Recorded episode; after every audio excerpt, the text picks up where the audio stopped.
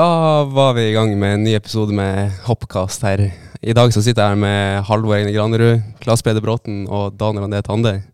Etter en eh, veldig vellykka dag sett med norske øyne her i Klingenthal. Hva syns du, Klas? En av de bedre. En av de absolutt bedre dagene norsk hoppsport noensinne har hatt. eh, Og da må vi helt tilbake til eh, Birger Ruud eh, og reflektere over eh, hvor bra det er. Ja, vi hadde jo faktisk eh, alle nordmennene som var i finalen eh, inne topp seks. Så eh, for å ta runden da, Halvor. Hvordan vil du oppsummere helga di? Nei, jeg var et, et par hakk opp fra Visla og Ruka, i hvert fall. Eh, noen, noen hakk bedre. Så jeg hadde ingen ja, Sånn toppnivået var jo bedre i Visla, men eh, var litt mer stabilt eh, bra den helgen her. Og så ja, jeg er veldig, veldig, veldig godt fornøyd med helgen, og utrolig deilig å bare kunne hoppe på ski igjen og ikke ha tusen forskjellige ting jeg måtte gjøre som føltes rart for å hoppe godt på ski. Så det ja, beste helgen i vinter for min del. Ja. eh, jeg kan jo eh, oppsummere helga mi også, før vi tar fatt på eh, de virkelig store begivenhetene her. Eh, nei, altså Min helg var starta veldig trått. Jeg hadde vel lengste hoppet på en, rundt 116 meter før førsteomgangen i går. Og så knakk jeg en eller annen slags kode som eh, gjorde at jeg dro på en fem meter ekstra der. Så det var, det var godt. Det var deilig å kunne ta del i den store norske dagen i, i dag. Så ja. Danny, hallais. Hei sann. Hvordan eh, vil du oppsummere helga di? Dagen, kanskje? Jeg, jeg syns det har vært en eh, ekstremt bra helg. Uh, greide å fortsette å ta de riktige stega som jeg har uh, jobba med gjennom uh, hele sesongen, og dagen i dag uh, kul kulminisert, eller hva faen man kaller det. Kulminert? Ja, det. I en andreplass, uh, som er første pallplass på nærmere et år, og første pallplass i, i nytt liv. Så det, det, det var det. En helt, eh, helt sinnssyk dag. Eh, litt vanskelig å skulle sette noe særlig ord på, på hvordan det er, egentlig. Ja, det er helt eh, enormt, spør du meg. Og vi er nok mange som eh, kjente tårene pressa på eh, etter det comebacket der. Eh, ja, det, hvordan var det for deg, Klas? Altså, du var jo virkelig tett på eh, Daniel i Planica og har på en måte fulgt han hit. Ja, nei, det er en av de mer spesielle dagene i mitt hoppliv. Det er ikke noe tvil om det. Eh, og i tillegg eh, da laginnsatsen som gjør det enda bedre for Daniel òg, veit jeg. Så det er, det er jo sånne øyeblikk som gjør at eh, du, man føler at det, det er verdt alt det man eh, er igjennom. Da. Og så er det, liksom, det er jo kontrastenes år, åpenbart, dette her. Spesielt for, eh, for Daniel. Da. Eh, og, men, jeg, men jeg klarer liksom ikke å helt slippe at eh, grunnen til at sånt noe skjer, er jo at det er, eh, det er et miljø eh, rundt dette laget, da, som først og fremst handler om utøvere. Eh, men det handler om en del mennesker rundt som også eh, gjør det mulig at, eh, at vi skal få oppleve sånne dager. Og personlig så føler jeg egentlig på sånn, bare sånn enorm takknemlighet, da. Ja, hvem vet, kanskje hadde ikke Denny orka å ta veien helt tilbake hvis at vi hadde vært uh, noen ratfolk å Hvis reise dere på tur var drittsikker, så hadde jeg ikke vært her i dag, altså. Nei, så det, ja, det er nok noe i det du sier, Klas, at det, det hele miljøet rundt og eh, Altså, vi, vi alle føler med eh, Daniel i, i dag, og er glad på Daniels vegne etter, etter det her. Så det- Nei, det, det var en, en spesiell dag i bakken, rett og slett. Det, vi var også, det at vi var så mange som på en måte var happy med egen prestasjon også, og Vi har, vi har jo tidenes norske, norske dag i hoppbakken noensinne i verdenscupsammenheng, fort vekk. Eh, Det må du arrestere meg på. Jeg, jeg er blitt kjent for den som kaster ut ting på podkasten her uten at det er eh, i samsvar med virkeligheten. Men Ja, du, du, eh, du jugde vel ned jeg Nei, det ned ned- handicap. ja, ned handicapet til Stjernen hadde egentlig 14 i handikap, han skjønner du. Ja, det her, det her altså Forrige podkast så uh, snakka vi om hvem som var beste golfspiller på laget, og vi dro frem stjernen. Uh, Og det var Og- jo feil. ja, for det første, for han er ikke på laget vårt. men, nei, men, så, uh, men så var det jo det her med at uh, Tande var skråsikker. Uh, eh, u, skråsikker uvitenhet, som det sådan kalles. han, var, han, ja, han var usikker, så derfor var han skråsikker, som Bernt Hulsker eh, sier. Så eh, han eh, slengte ut at han hadde var det seks eller sju i Ja, handikap. det kan stemme det. Eh, fasit fikk vi jo. Og tolv. 1,5 er det vel han har nå. eh, 1,5. Og eh, stjernen han krever oppreisning og eh, føler seg veldig krenka, eh, fikk vi inntrykk av her. Så eh, det, Det er jo eh, Jeg vet ikke, Halvor, du kan egentlig kanskje si litt om den krenkinga der. ja, vi, vi hadde jo denne samtalen her rundt frokostbordet i dag, og, og Halvor sa det pent. Jeg vet ikke om jeg Jo, kom igjen nå. Ordrett. Nei, altså, det blir jo rart hvis, hvis en som har reist rundt og krenka seg selv, skal liksom føle at vi, vi krenker han. En som har reist rundt på verdenscup i så mange år og krenka seg sjøl, sa du. Ja, det var kanskje det jeg sa. Ja. Men det, er- det, er, det er mye mer behagelig å liksom være, være frekk bak ryggen til noen enn eh, Right in your face. Enn foran alle lytterne til Hoppkast. Ja. Ja, nei, så jeg håper du tar imot unnskyldninga, Stjernen. Ja, Så- veldig, veldig, veldig lei for det. Uh, veldig lei. Jeg får være øvre fire år når han var ti år, da. Det skal sies. Ja, for det her, altså det, også, det ble jo lagt ut en story her på Instagram av eh, Kasper Wikestad, der de satt og lytta til Hoppkast. Og eh, Andreas Stjernen satt der krenka som få og hørte på at uh, Tande påsto handikappet til, eh, til Andreas her. Og uh, ja, det Stjernen da kontra med, var at uh, han hadde, sist han hadde seks eller sju i handikap, da var ikke Daniel født engang. Så Men, men Daniel, Men kanskje- hvis, hvis vi bare hadde kroka knæra i dag, så kanskje vi Eller den helgen her, så kanskje vi hadde endt opp med en seier hver i stedet for en andreplass hver. Ja, vi må, vi må jo lære av stjernene å kroke knæra når vi flyr. Derfor det, det er det som er oppskriften på å vinne hopprenn. Ja, det, det er, må få lov til å komme inn der, da. Nå har ikke Stjernen vunnet fryktelig mange hopprenn, men det, det han har Nei, vunnet det er ett, faktisk. ja, det han har vunnet, det gjorde han med krokete knær. Og det gjør han jo ganske unik, for det er det ingen andre som har fått til. Nei, ikke som jeg veit om, i hvert fall. Og det er jo rett og slett for at det er ingen andre som har prøvd heller. For det er ikke, det er ikke spesielt lurt, antageligvis. Nei, det, det er jo flere som har prøvd å vinne hopprenn med fall enn eh, med kroka knær. Eh, ja. Ja. Uh, ja. Men uh, for å arrestere Daniel, da. Så det, kom, det er tidenes norske dag. Kan godt være det er bedre at dameklass, men i forhold til sånn nasjonscuppoeng, som er hvor mange verdenscuppoeng man samler som, som lag, så, så tok vi bare 275. Så Hva er rekorden vår? 300 Har vi 300, ja? Ja, vi tok 311 i Nizjnij i, i fjor I vinter. fjor da- vinter, ja. da vi tok tippelt. Og så tok vi 308 i Vikersund da, Ja. 2018-sesongen. da Stemmer. Da var vel, også, da var vel Stjernen med, faktisk. Så han, han skal få den. Han var en av de tre på ballen. Han kom vel på andreplass, om jeg ikke tar feil. Bak Robert. Og du tre. Ja. Jeg husker, da, da var jeg litt sånn ah, Shit, altså. Ble femte beste nordmann, liksom. Ble elleve i rennet. I dag ble forfang femte best og ble nummer seks. Det høres absurd ut. Ja, det er litt sånn absurd. Ja, det, altså, og mye av æra skal vi jo gi til Kenneth Gangnes uh, i dag, for det var jo litt uh, vanskelige forhold, spesielt i første omgangen. Da sleit vi litt med Altså hele feltet sleit litt med glien, og det var litt sånn våt snø og litt regn i sporet, og det Altså, for min del så kjennes det ut som sandpapir i sporet i første omgang, og eh, jeg har jo ikke historie av å være veldig sterk på det føret, men eh, jeg ser jo det at jeg, jeg henger jo ikke med dere guttene, men eh, det var farsken meg flere i feltet der som uh, sleit med å holde følge med dere.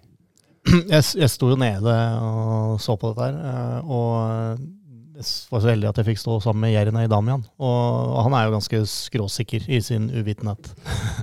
Eh, og, eh, hoppsporene. og han kunne lære opp oss da, som sto der, at nå stopper de rennet snart. Eh, og da kom Timmy Sight, og han kunne da vise at det er å ja, 89,2. Og nå og han viste og høyeste hastigheten tidligere var da 91 eller noe sånt nå. 91 igjen. Så, så nå har det droppa så mye at nå må de stoppe rennet. Ja, for det er vel sånn to kilometer ned Ja. i samme omgang eller noe sånt. Ja, og så kom Robert Ja. og hadde da 90,8. Stemmer. Da la han over til slovensk. Eh, noe som har skjedd for første gang i historia, tror jeg, det er at jeg har hatt toppfart i begge omganger. Det tror jeg aldri har skjedd før. Og du hadde de andre òg. Ja. Jeg og Robert delt førsteplass i andre omgang med Gratulerer. 92,5. Gratulerer så mye. Takk, takk. Det, det er en stor dag for meg. Men kan vi bare, bare sette pris på hvor deilig det var å se at de, de tyskerne som har hatt så sinnssykt god fart Altså Markus Eisenbichler er plutselig den som kjører fortest i verdenscupsirkuset. Hvor deilig det var å se at de bare hadde én kilometer i timen bak snittfart. Ja, det var deilig. Åh, jeg satt på toppen og godta meg så sjukt. Ja, vi har jo sett på tyskerne så langt i sesongen her og lurt på hva i svarte de har holdt på med. Uh, altså, fordi de, de er Sinnssyk fart. Ja, de har vært langt foran, uh, foran nest beste på fart. Ja, altså, jeg satt, jeg satt på toppen i dag. Vi har jo sånn liten TV-skjerm på toppen, da, så vi kan liksom se TV-bildene og sånn. Og der kommer jo farten opp, og så kom liksom først Vellinger, som er historisk sett liksom Ja, det har, det har skjedd noe rart hvis han er utenfor topp tre på fart, da. Ja. Stort sett. Og så kommer han plutselig og hadde 89,6, og jeg bare satt her og bare «Åhåhå». Det, det syns jeg var eh, utrolig behagelig, rett og slett. Bare se at eh, se at tyskerne som stort sett kjører fra alle, hadde dårligst fart som lag. Og det ja, Hvis det er lov til Hvis, hvis, hvis det er lov med skadefryd, så, så Jeg kjente på det i dag, altså. Det tror jeg vi alle gjorde.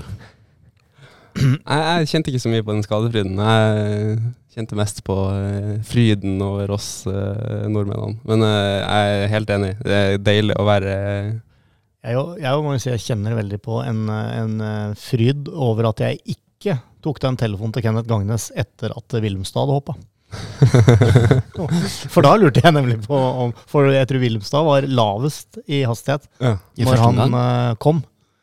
Altså, Ja, ja, ja. Og da tenkte jeg, har du sovet i timen nå, Kenneth? Uh, kommet litt nedbør, og du har bare drevet inn og sett på Formel 1 og surra med ditt, liksom? Har godt å holde roen lite grann, da. det var veldig, Ja, men- veldig bra at jeg Det tok klarte å holde den inne. Det var en stigning i programmet, Ja. Ja, jeg, som Arne Skei ville sagt. jeg tenkte akkurat det samme, for jeg hadde ikke gått opp ennå. Jeg bare så liksom Hørte farten fra Mag smelte farten på walk-in, og jeg bare hørte den og tenkte ah. Og så kom heldigvis eh, Daniel ikke så lenge etterpå, da hadde god fart, og da skjønte jeg at i dag For det, dette er jo egentlig sånn før vi pleier å være ganske gode på fart på. Ja. eh, så for å oppsummere da helga her i Klingenthal, så har vi da enda en mann i minus. Alexander Støkkel eh, med korona. Så du var og førte litt mat på døra til Alex her nettopp. Jeg er veldig sånn fan av den eh, regelen som er sånn gjør mot andre som du vil at andre skal gjøre mot deg. Og nå, nå skal jo vi dra i morgen, da, men eh, jeg fikk en del matlevering av han eh, da jeg satt i Oberstdorf der, så det var en liten sånn takk for hjelpen den gang, og så ja, gi litt tilbake igjen. Så han ble, han ble veldig, veldig glad. Fikk du snakka med han?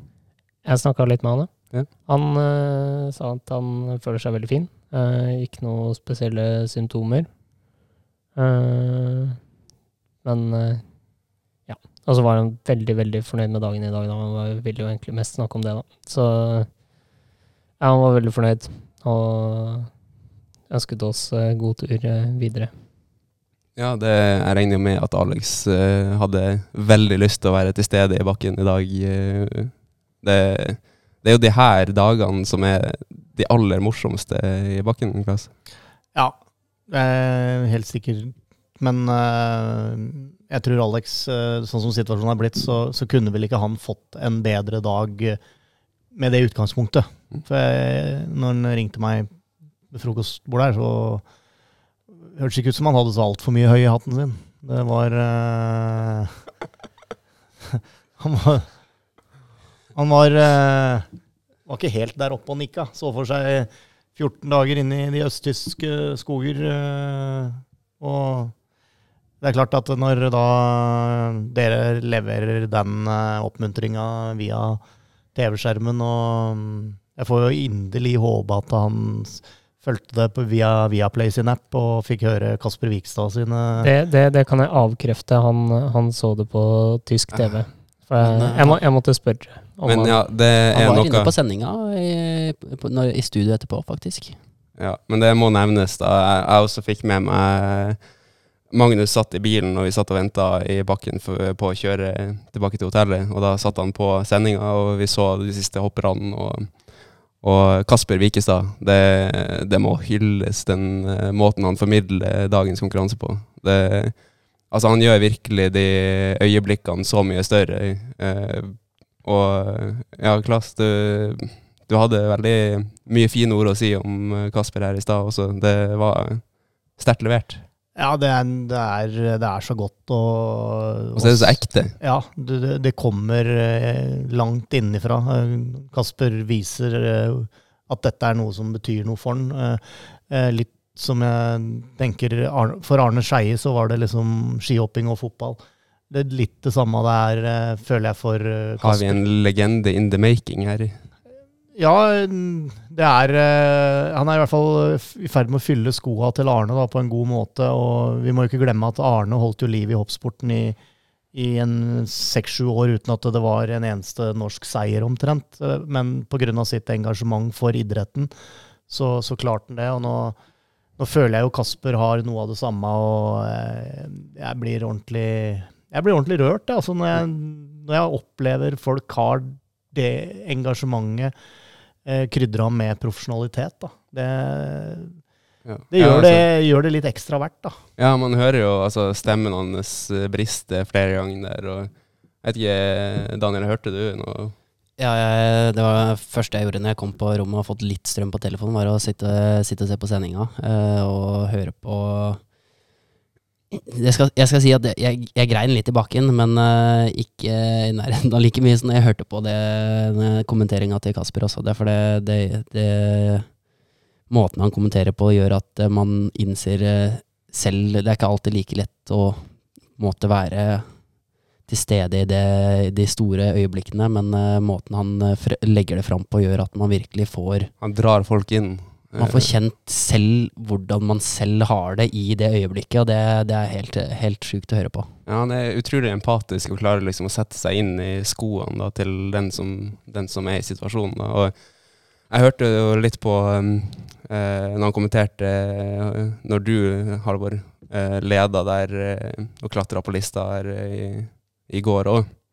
Og da også er han Altså, han klarer på en måte å, å virkelig gjøre det interessant. Da. Den, altså, han viser at her eh, kjemper Halvor om å klatre mye på listen. Eh, Det har vært en tråd eh, to ukes tid her for Halvor.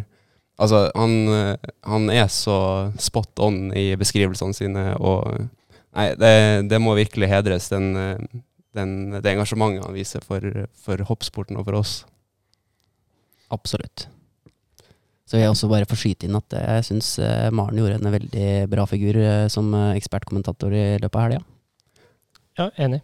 Jeg, jeg har ikke sett så mye fra rennet våre ennå, men eh, Vi har jo enorm peiling på det å hoppe på ski, så det, det Det- sier seg sjøl at uh, det kommer jo veldig godt fram.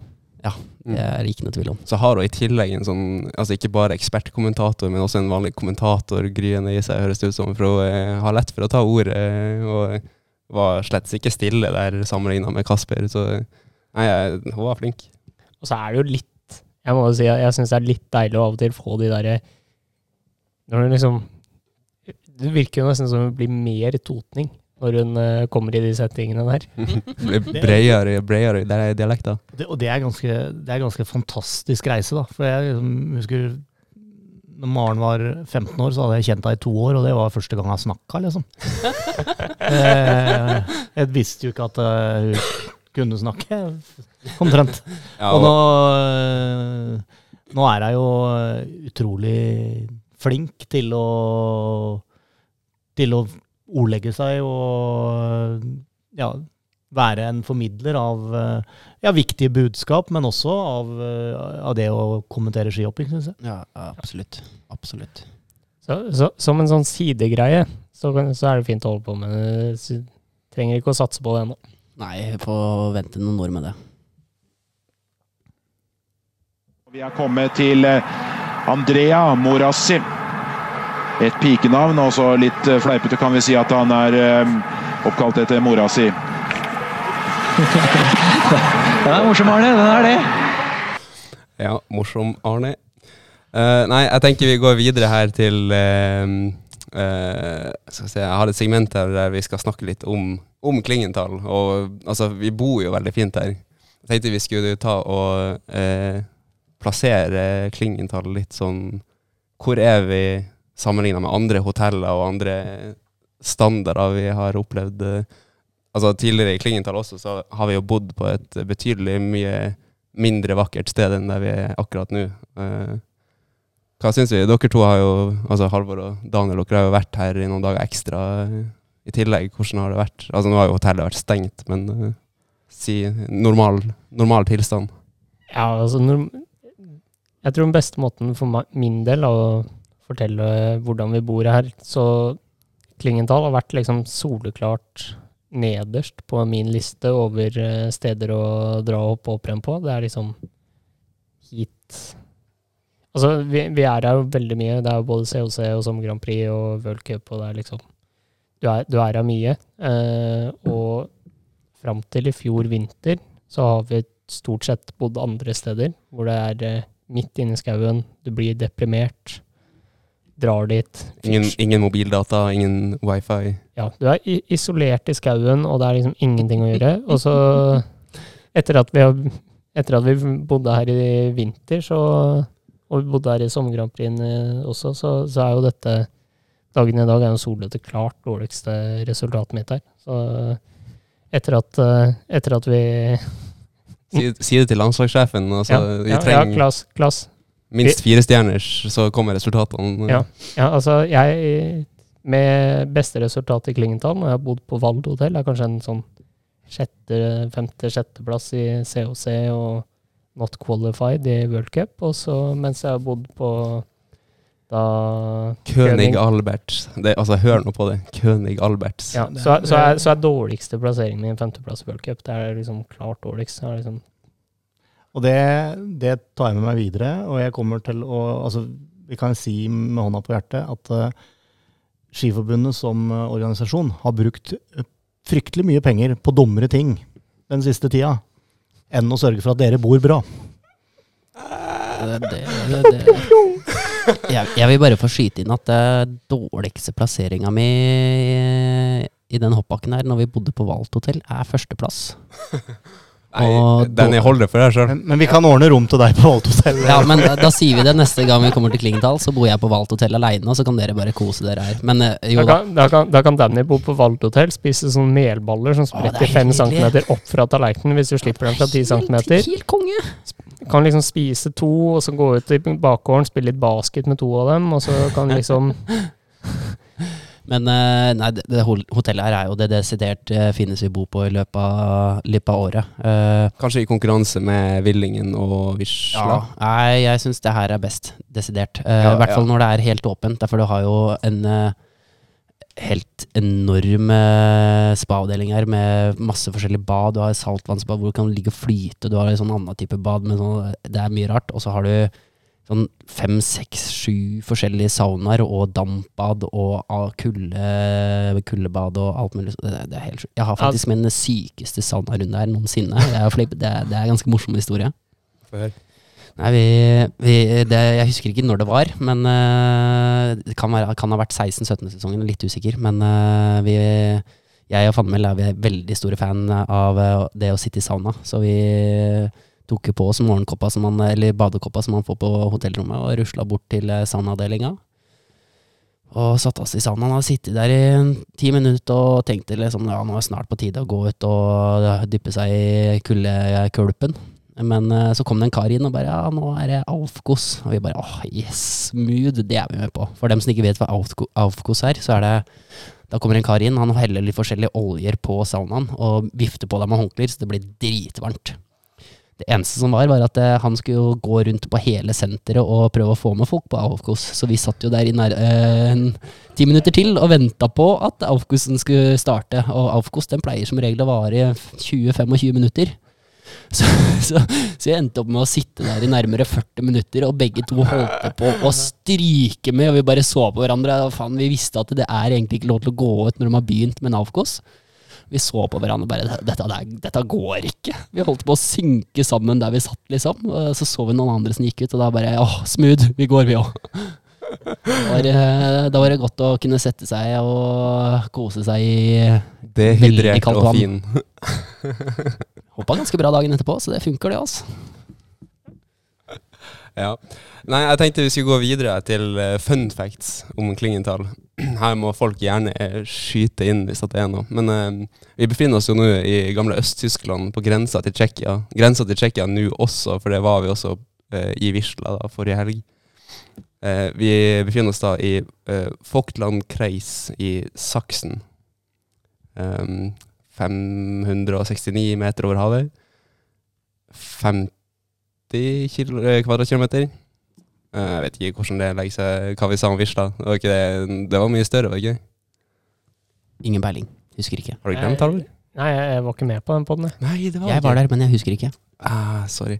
Ja, sorry, Halvor. Du var, du var lagt på, satt på benken forrige gang når Bjerkman var med. Sånn går det når man ikke tar poeng. Nei da. Eh, her er det 8575 innbyggere.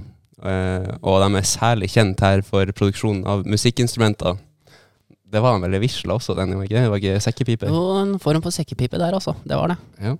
Men, men bare sånn er, er det da i sammenheng Eller har det König Albert-hotellet som vi bor på nå, der er det jo eh, Jeg må jo alltid høre på Forever Young når jeg er der, fordi han eh, Alphaville har jo nettopp eh, Eller har spilt konsert, eller han står Han skal spille neste sommer, mai. Ja, ja.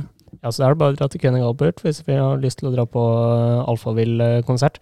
Men det er, jo, eh, det er jo et musikkhotell eller et eller annet sånt. Ja, her, det, men, jeg ser det er en sånn Wall of Fame her og sånt. Men Det eh, er ja, altså, nå befinner vi oss jo i Bad Elster. Det her er jo litt utfor eh, Ca. 39 minutter å kjøre til Foktland Arena. Ja, for det også, skal jeg si, eh, Klingenthal er kjent eh, Altså Hvis du søker opp på Wikipedia, så er det kjent for verdenscupen i hopp. Eh, og Foktland Arena, da, som er ganske flott hoppanlegg, eh, egentlig. Ja. Jeg, jeg, jeg ser for meg at Klingenthal er et av de stedene i Tyskland med høyest eh, Med flest trær per innbygger i liksom sånn ratio.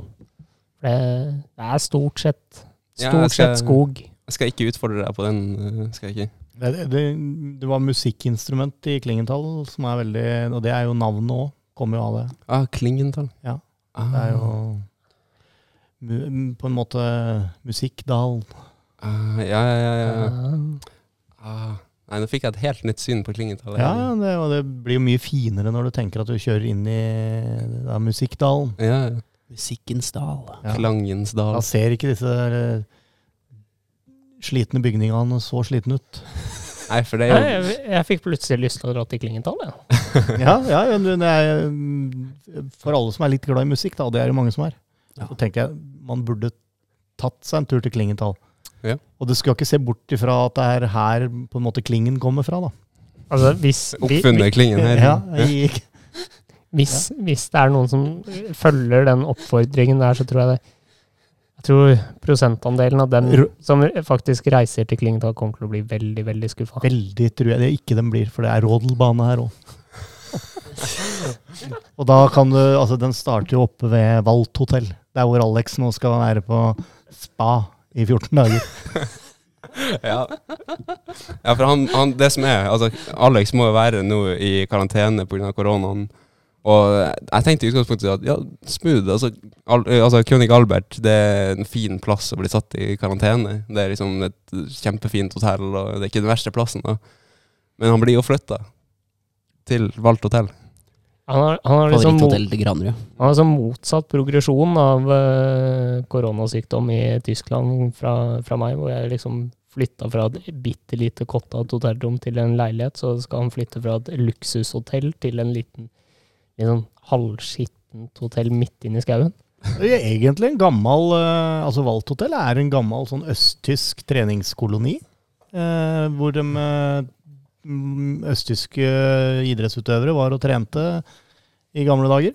Yes. Det var en fun fact. Det er jo akkurat det spalten her er, Klas. Det var en Var, var det der, eh, der østtyske utøvende kvinner fikk skjegg? Der kunne man sikkert uh, utvikle skjegg, eh, ja. Det, det er jo uh, Det er jo en del sånne plasser eh, rundt omkring, men uh, Klingenthal var, var en plass hvor de drev og øvde seg på å vinne gull i forskjellige kapasitetsidretter, for det var de jo veldig gode på. Ja. De hadde jo, de hadde jo utvikla et bra system for ja. det. Svært dyktig. ja, har vi noe, har vi noe flere fun facts, eh, Klas? Er det noe usagt? Altså, jeg føler du har eh, Du graver fram fra dypet her hele tida nye fun facts. Er det noe mer å hente? I, nei, det er vel ikke sånn voldsomt mye mer å hente om Klingendalen. Når var første gang du var i Klingendalen? Oh. Nei, det, det er egentlig Jeg var der aldri som utøver, men det var jo noe worldcuprenn her, vet du. I 85, tenker jeg det var. Var bakken på samme plassen, da? Den Nei, bakken nei, nei, okay. det var ikke det. Den bakken som var da, den ligger ikke så veldig langt unna Valtot hotell. Du kan liksom gå i skauen eh, og eh, finne det der. Okay. ok. Eh, jeg mener det var det, hvis, hvis, hvis ikke det var overbevisende tall, da. Men det husker jeg ikke. Men det er, det er en eller annen tall. Ok, Ja, for den bakken her er vel fra 2007, om jeg ikke tar helt feil. Ja, ehm, ja, noe sånt noe. Ja. Det var jo Det er jo fantastisk. eh, Det er en flott arena, og det gjør seg med mye publikum her. Det er plass til mye folk, og det er mye trøkk her når det først er tillatt. Det er jo et uh, idrettselskende publikum da, i denne delen av uh, Tyskland. Og hopp, de er veldig glad i hoppsporten her. Det er ikke noe tvil om. Mm. Og så er det ikke så, ikke så langt opp i gata her, vet du, så har du hjembyen til Volkswagen. Ja. Ja, det visste jeg ikke. Eh, jo, det, det er eh, Arne Overbråten og jeg var på en sånn tur oppi der eh, en gang. Ja, ok. Det var veldig, veldig interessant å sitte på pub der på en eh, tirsdag ettermiddag sammen med alle dem som var sagt opp på Volkswagen-fabrikken. Når var det her? Nei, dette var i 2007, tenker jeg. Ja, det, nei, det var litt seinere, for det var den første turen Maren Lundby var med på. Da måtte hun reise hjem eh, fordi at hun skulle begynne på ungdomsskolen. Det var første dagen på ungdomsskolen. Vi fikk ikke, fikk ikke Det, høres, det høres ut som humor, men det er, Nei, det er sant, det. Det er sant, det. Vi måtte begynne Ja. Nei, Maren har vært med lenge i gamet, det skal sies. Nei, eh, gutta. Eh, nå sitter dere litt i deres egen verden her, eh, Halvor og Danny. Har dere noen fun facts å bidra med? Ja, nei, det var egentlig det, det jeg holdt på med. Uh, for jeg har ikke en fun fact, men jeg har en sad fact. Ja. Og og norsk eller engelsk. Det var akkurat det jeg tenkte på. Det er rart hvor likt man kan tenke i så stor Det, det er busker, Buskerud-triks, vet du.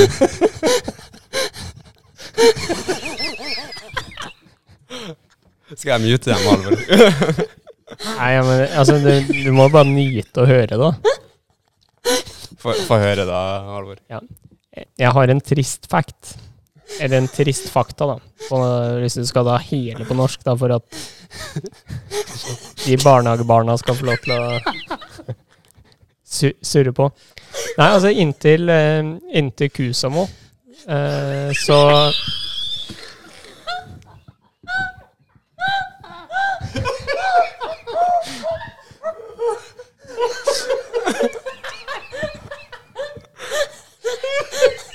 Altså, Nå, altså nå mista vi Buskerud borti her. De er, de er ute av gamet, Halvor. Altså, det var liksom Det var, det var sad. Det var sad, Sad fact. Som, sad fact som skulle til. Nei, da, da mista vi rett og slett Buskerud. Ja. Nei, men inntil, eh, inntil Kusamo, som da også var veldig gøy, Hvis det er lov å si.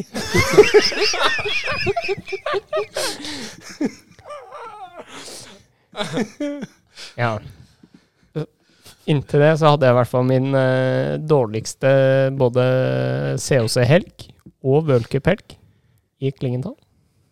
Jøss. Så nå har jeg bare, bare min dårligste COC-helg. her. Ja, jøss. Nei, det var jo Men altså, ja. Jeg har, for, jeg har jo for så vidt mulig, muligens min beste worldcup-helg i Klingenthal òg, så jeg må Ja. ja. Ja, nei, men det, det, det er jo Man lærer jo litt om hverandre, da, når man, når man spiller inn en podkast som det her. Altså, Danny ja, kanskje hadde sett det for meg, men at, at Klas skulle knekke såpass sæd, det hadde jeg ikke sett for meg, altså. Ja, nei, det Han, burde jo være den her som har mest erfaring med emnet òg. ja, det er i hvert fall flest bevis. I form av kids. Soleklart den beste, be beviselig den beste sædkvaliteten også. Ok. Jeg har ingen kommentar. You can see I have a blue eye. You should have seen the other guy. oh, I'm feeling okay, but I'm a bit stiff. Jeg må bare få si at det, I'm a bit stiff, det var det vi trengte nå. Ja, det, Ok, nei, jeg tenker vi går videre. Uh, Nå er vi da videre på um, uh, Twitter-spørsmål. Vi har jo som alltid et veldig engasjert publikum på, på Twitter. Og det er Jeg er utrolig takknemlig for det. Vi, vi har mye bidrag her nå, og det um, det er stort. Ja, det er Her har vi hva vi skal starte med. Har, er det noen som har sett på Twitter her, gutta? Nei, jeg har ikke vært inne på det, det mediet på ganske lenge, faktisk. Ja, er det ikke du som har mista Twitter-profilen din? Jo, jeg mista jo Twitter. på- Jeg skjønte ikke en dritt. Jeg skulle, jeg skulle logge Jeg fikk meg ny telefon. Skulle logge inn på Twitter og eh, liksom bare for å være logga inn. Det er jo, jeg gjør ikke så mye der, uh, for øvrig. Men uh, da fant jeg ut at Twitter-kontoen min er ikke registrert på min egen e-mail lenger. Så det er noen som har tatt over Twitter-kontoen min, så jeg måtte jo lage ny. Ok. Ja. Eh, nei, det, det var trist å høre det. Ja, da, for Den hadde dritmye følgere. Den har sånn blå hake og hele pakka. ikke sant? Nå har jeg en ny Twitter-konto som ser ut som sånn der fake account som later som at det er meg. hva heter du på Twitter nå? Godt spørsmål. Jeg skal sjekke. Ok, det er Daniel123 Real fan. Ja. Nei, men uh, for å ta første spørsmål her nå, da, så kan vi starte med Bendik Hullen. Eh, han spør her topp tre styggeste byer eh, hvor dere har hoppa. Hva, Topp tre styggeste hvem, skal henge, hvem skal vi henge ut her? Ok, Vi, eh, eh, vent, vi kan starte med Klas. Du, der du hoppa, hva var styggeste byen? ja, det, det er litt Det er litt øh, vanskelig å si, egentlig. Det har vært øh, vært noen ordentlige høl, altså. Det kan jeg se for meg, det er for det begynner å bli noen år siden du hoppa sist. Så da, da var jo ikke alle byer like fine som de er nå, da. Nei, det var noen som var finere òg. Det, det tror jeg på. Ja. Absolutt.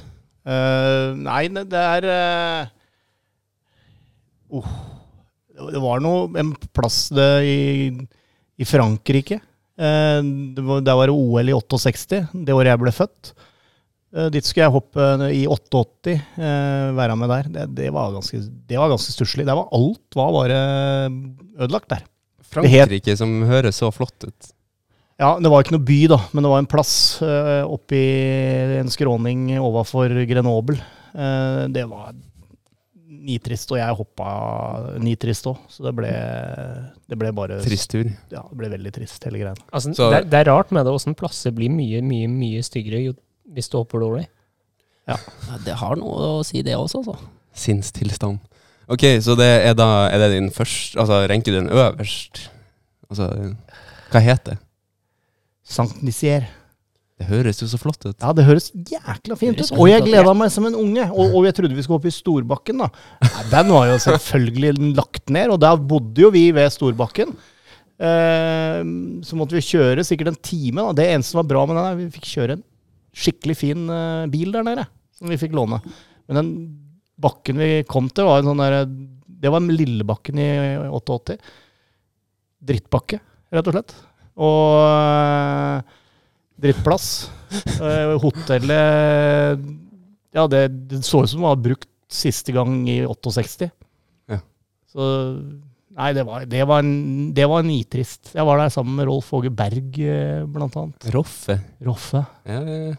Lurer på om ikke Trøen var der, da. Mye trøndere. Ja, Mye trøndere der. Ok, altså, da er det Hva kalte du det igjen? Sankt Nisier. Sankt Nisier. Sankt ja. Det var Altså, jeg, jeg gleder meg allerede til den der fjelletappen til Sankt Nisier eh, neste år i Tour de France. Ja, altså. Da må vi sjekke åssen det ser ut der, altså. ja, det, det, det høres jo ut som en eh, målby, i hvert fall. Så den rav er høyest eh, på topp tre stygge byer hos deg? Ja, det, var ikke, det er ikke by. Det er Nei, plass. Men altså plass eh, Ja. vi hoppa. Ja. Altså, du får jo Hva som gjorde den så ekstremt stygg, da? ah, stusslig. Det var Alt var bare det var, slitent? Ja, det var på en måte slutt der. Ok. Altså det, jeg, jeg var jo aldri i Sarajevo. Eh, der ligger jo, lå det jo et kjempeanlegg i OL i 88, eller nei, 84. Uh, den er på det nivået, men, men Sarajevo ble jo Altså Igman-platået, der hvor hoppbakka lå, det var jo den viktigste strategiske plassen under Balkankrigen. De hoppbakka, dem ble sønderbomba, da. Ja. Og, og den byen ble sønderbomba. Men den er, jeg tror ikke den ligger så mye lavere enn den der Sankt Nisier-plassen, altså, egentlig. Ok. men, men jeg har aldri vært da i Sarajevo etter at den ble bomba. Nei, nei, det Ok. Men så da har du eh, for, Altså, hvis vi skal kåre tre styggeste, da eh, Nå har jo ikke Nå er ikke vi noen som kan være vitne her til Men altså, det høres jo ekstremt stygt ut, da. Altså, jeg, jeg, jeg ser jo for meg at jeg, egentlig så eh, vil nok lista til Klas i dette tilfellet, med tanke på hvor mange flere forskjellige merkelige steder han har vært, da. I Eh. eldre tid òg. Ja, så han har jo solklart beste sammenligningsgrunnlaget, så altså, hvis han sier at det er det styggeste han har vært, så er det nok det det styggeste noen av oss har vært, men vi kan jo ta øh, styggeste plassen eh, styggeste plassen jeg har vært, så, Ja, få høre. så jeg, jeg syns jo Klingenthal er ordentlig stygt, da. Hæ, men det er jo bare skog. Altså, selve Nei, det er, altså, hvis du går liksom ned i, ned i byen der, så, så ser det ut som alle husene holder på å dette sammen. Ok, ok. Men, eh, Og, men, men jeg har et par andre andre ja, men, men først vil jeg bare jeg vil, Da vil jeg bare slå et slag for Bad Elster, her vi bor nå. Ja, her er det veldig fint, men det er dette er ikke. Klingenthal. Nei, nei, men for meg så er det liksom litt Klingenthal, fordi, at- fordi at vi bor her, da. Og her eh, Altså, når du går ut i gata her nå, de har vært veldig flinke å pynte til jul med julelys og flotte, gamle bygårder. Ja, ja, altså på, på Når var det vi kom, Danny? Onsdag? Vi kom på onsdag. Ja. Det stemmer. Ja, Vi var i Flå på tirsdag. Flå, for så vidt. Kjempefin by. Kjempefin, liten by. Den soleklart fineste byen jeg har sett i Øst-Tyskland. Men eh, eh, da måtte jeg faktisk opp med telefonen og ta et sånt panoramabilde, fordi det var så fint her. Eh, så Ja. Bad Elster, veldig fint. Klingetall. Mm. Ja. Men eh, jeg vil også nevne Tsjajkovskij. Det er eh, Der er det ganske stygt. Også, men uh, styggest av dem alle er nok uh, Tsjajkovskij i Russland. Styggest av dem alle er nok Rasnov. Rasnov Romania. Preach, sister. Ja. uh, Danny, har du noe å tilføye, eller er du enig? Ja, jeg er helt enig. Uh, det, jeg vil bare eh, liksom beskrive et bilde av, eh, av Rasnov. Få høre. Det er eh, ja, Altså, vi blir tatt veldig godt imot der. Det er eh, veldig hoppinteressert publikum, og de gjør alt Folk, de kan for at er eh, veldig fine. Altså, De gjør jo alt de kan for at det skal bli et uh, bra opphold og bra hopprenn.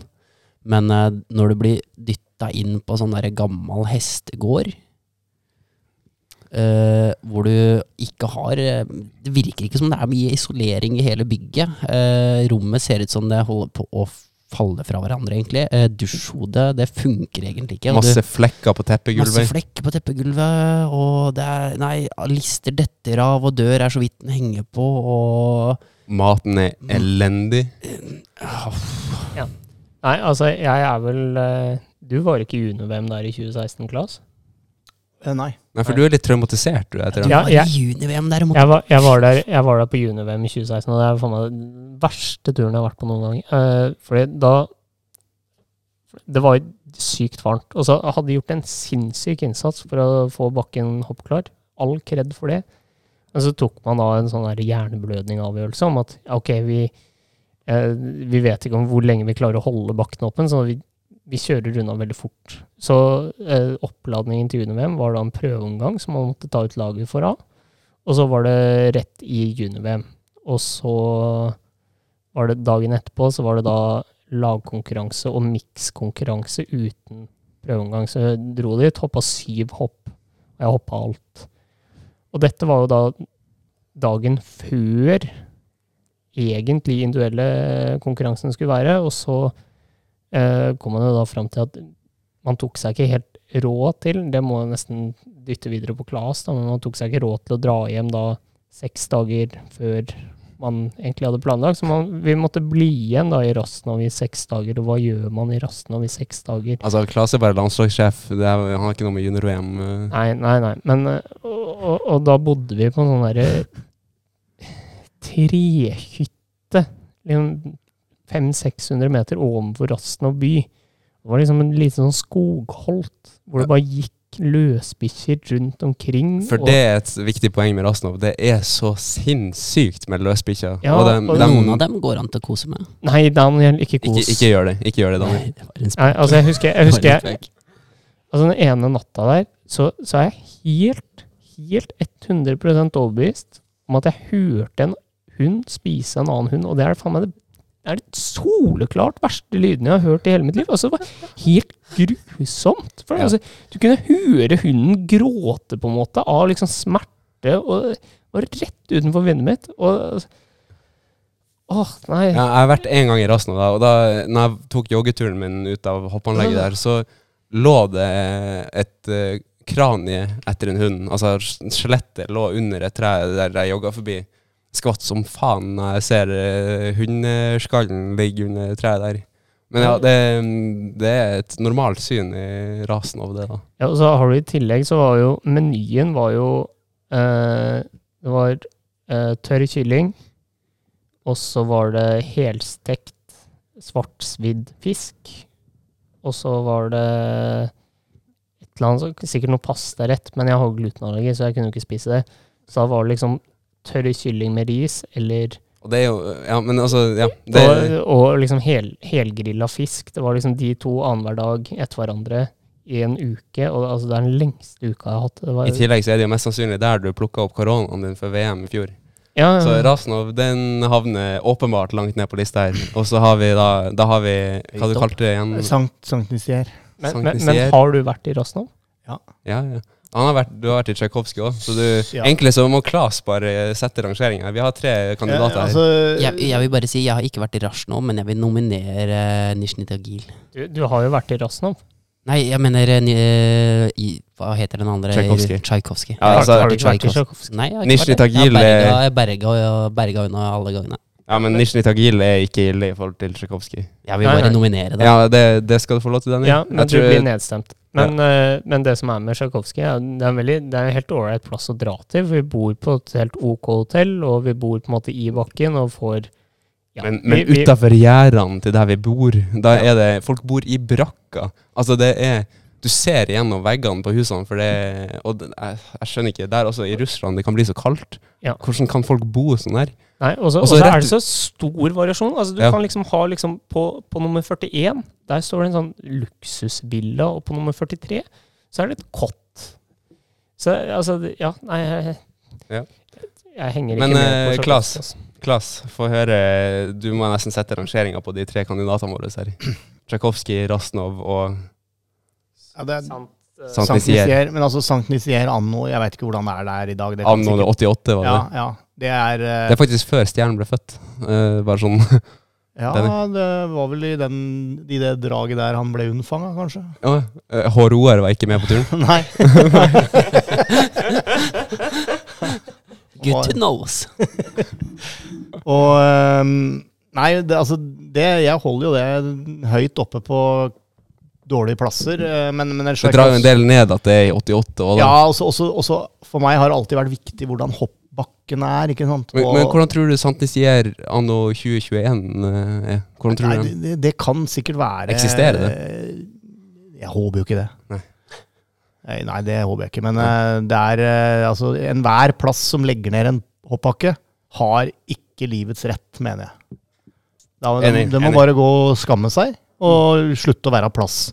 Ja. Så sånn sett så håper jeg den plassen er borte. Sankt Nisier er øverst, og så Rasnov og Tsjajkovskij. Ja, nei, der er det jo to Altså, hoppanlegga der er jo fine. De er jo ekstremt fine. Og, og eh, hoppanlegget i Tsjajkovskij er veldig bra. Ja. Eh, byen er eh, Altså, det blir jo beskrevet helt riktig her. Det er, det, er, det er jo bare trist, da. For det er jo så mye fattigdom, ser det ut som. Ja, ja, ja. Og det er det jo også i, eh, i Rasjnov. Eh, men da, da, da vil jeg på en måte rangere Tsjajkovskij høyest av de to. da. Eh, ikke, ikke altså som den beste plassen, fordi ja at det var finere hoppanlegg. Ja. Eh, Det er jo et av de mer moderne hoppanleggene, Ja, og så er det jo et OK hotell i Rasjnov, da. Eh, nei, i, eh, I Tsjajkovskij. som det ikke er i Rasjnov. Ja. Så, eh, og så drar jo Dracula opp Rasjnov. Sant! Og da blir det uavgjort. Da blir det, da blir det, det blir egentlig topp to, og så Ja. er det to på andreplass. Ja. Med Sankt Nizier, som ikke bør være en plass, for de har lagt ned en hoppbakke. Det, ja, ja, ja, jeg støtter. Og ja. Ja, men da håper jeg vi svarte på sva eh, spørsmålet her til uh, Bendik Hullum. Eh, Topp to, egentlig, da. Delt andreplass. Uh, neste spørsmål det, det tok litt tid, den der. Men eh, neste spørsmål er, skal vi ta, ta fra Sebastian eh, Sebinator. Sebinator. Bam, bam, bam, bam. the Sebinator, I'm coming for ya. Der har vi jingle, eh, faktisk. Um, ønsk, eh, hva ønsker dere, til- dere til jul, eh, gutta? Altså, det er ikke lov å si eh, gode resultater i Nei, hoppuka. jeg eller- har et veldig klart ønske på hva jeg ønsker meg til jul. og Det er eh, sengesett til eh, senga mi og gjestesenga. Derfor jeg har veldig lite av det. så det er det jeg ønsker meg til jul. Sengesett. Går ønsket ut til mor? Det går til hele familien. Okay. Så jeg håper jeg får, får jeg, håper jeg får en tre-fire sett med sengesett. altså to til min seng og to til gjestesenga. Knall. Eh, Halvor?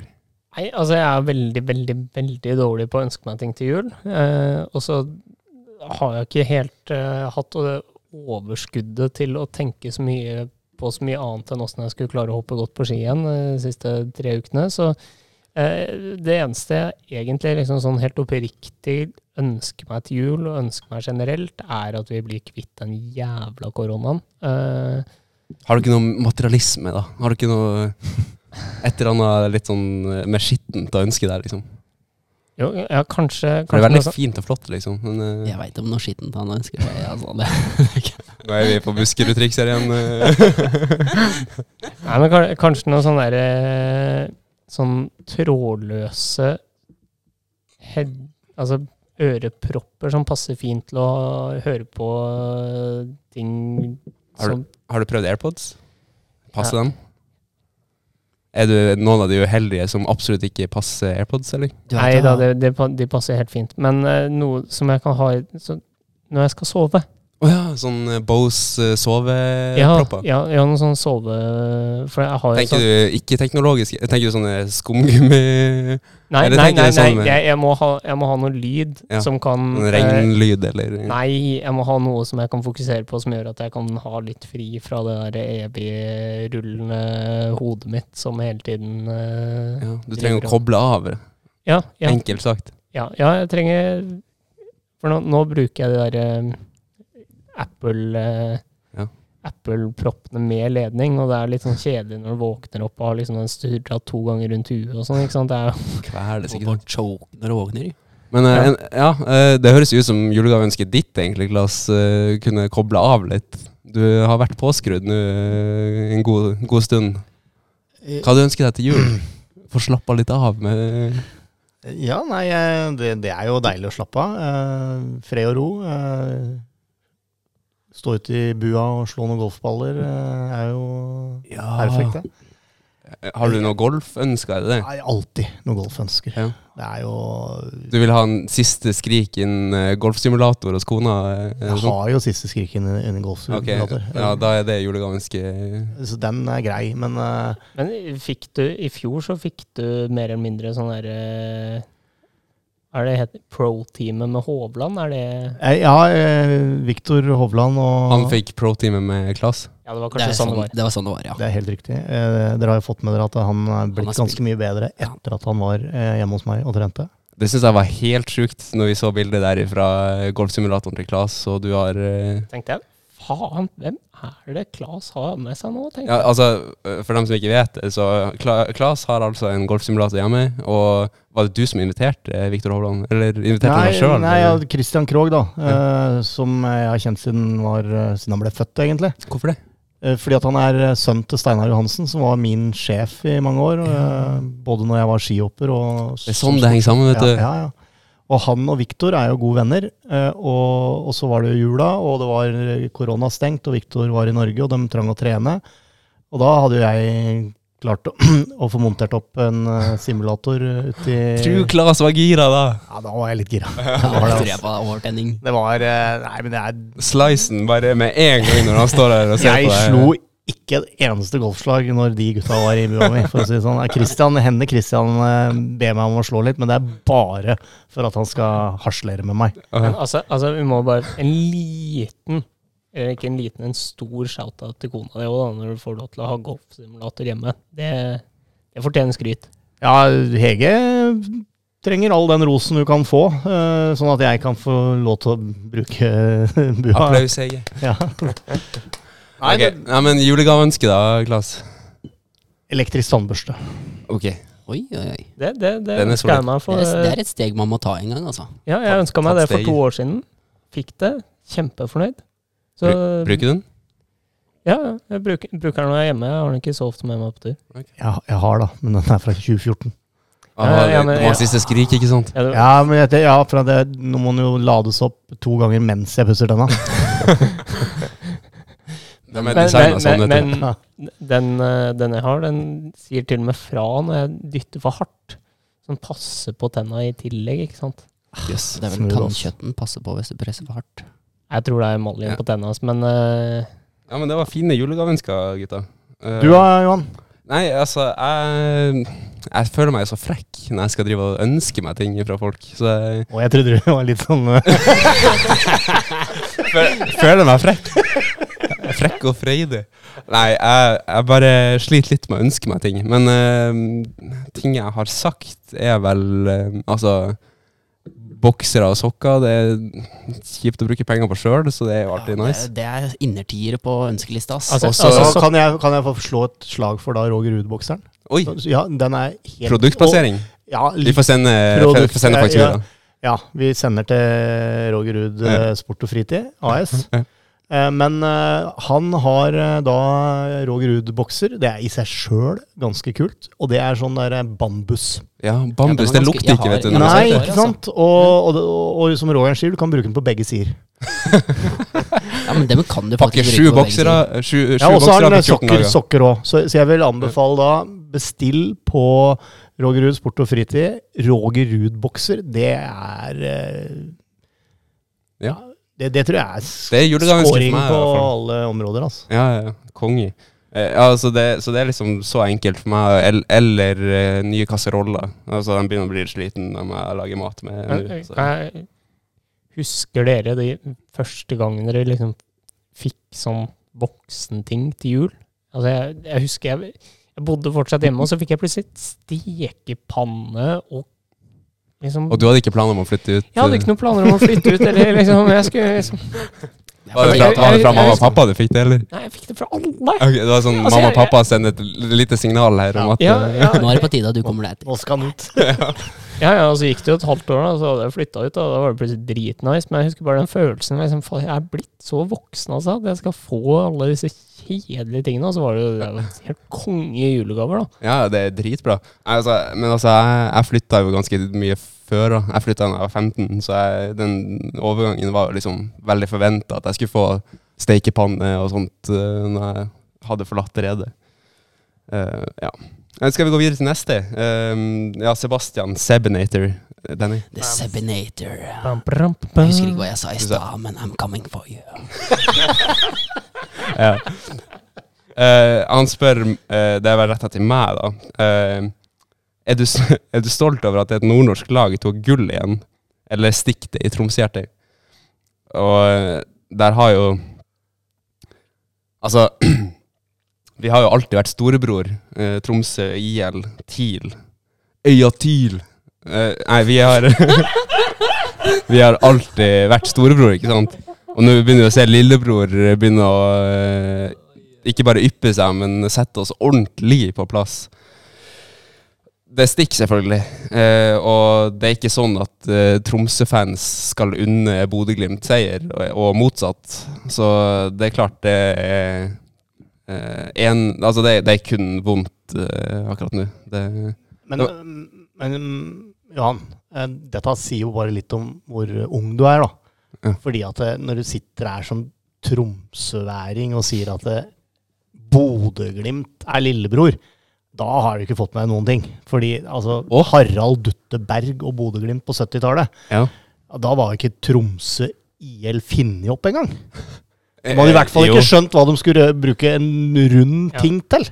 Så, så det er liksom eh, det, det, Nei, frem, frem, til, eh, frem til de siste årene da, så har TIL hatt merittene, i hvert fall. Ja Nja. Og jo, Nei. eh, vi har vært eh, europakongene. Eh, Bodø-Glimt.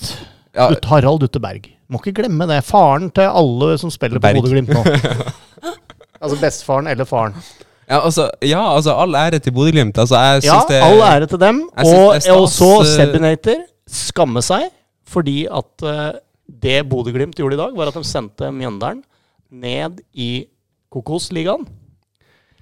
Og eh, det, det hadde ikke Det, det var ikke så greit, syns jeg, at de gjorde det. Og, og det, og at de ikke har valgt å bruke noe energi på det i den der tåpelige Twitter-meldinga si. Det får han bare ta selvkritikk på.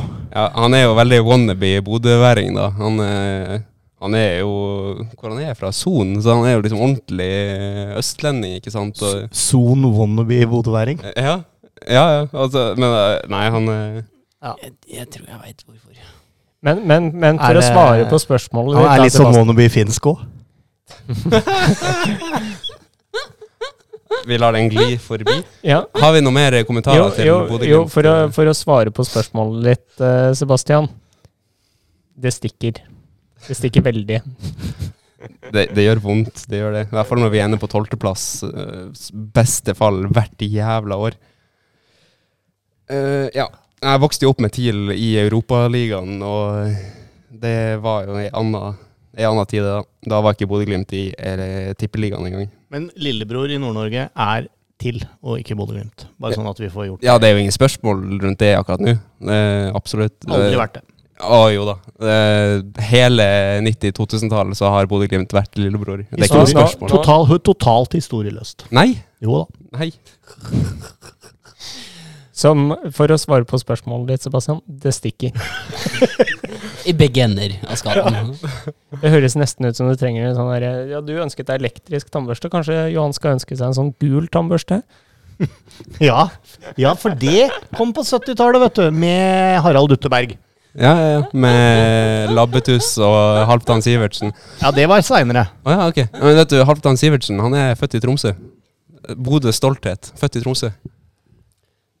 Ja, Nei, uh, Sebinator, det er bra. Uh, flott bidrag. Det blir god stemning.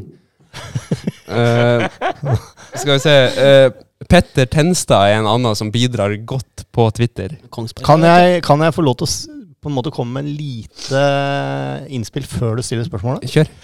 Er det noen russere med i spørsmålet? Alltid. Ja, ja, men nå er det det. Uh, skal vi se her Eh, Hvor han begynte, da. Ja, ja, ja. Um, han spør her Kan Daniel ranke comebacket eh, til seg sjøl eh, opp imot Okabe, Kranjets og Kobelev? Eh, bør da vektes opp mot hvor sjukt snurret i Planica var for alle, og vekte opp mot prestasjonen før og etter snurret? Ja, eh, først og fremst vil jeg jo bare si at det siste navnet du nevnte, aldri hørt om.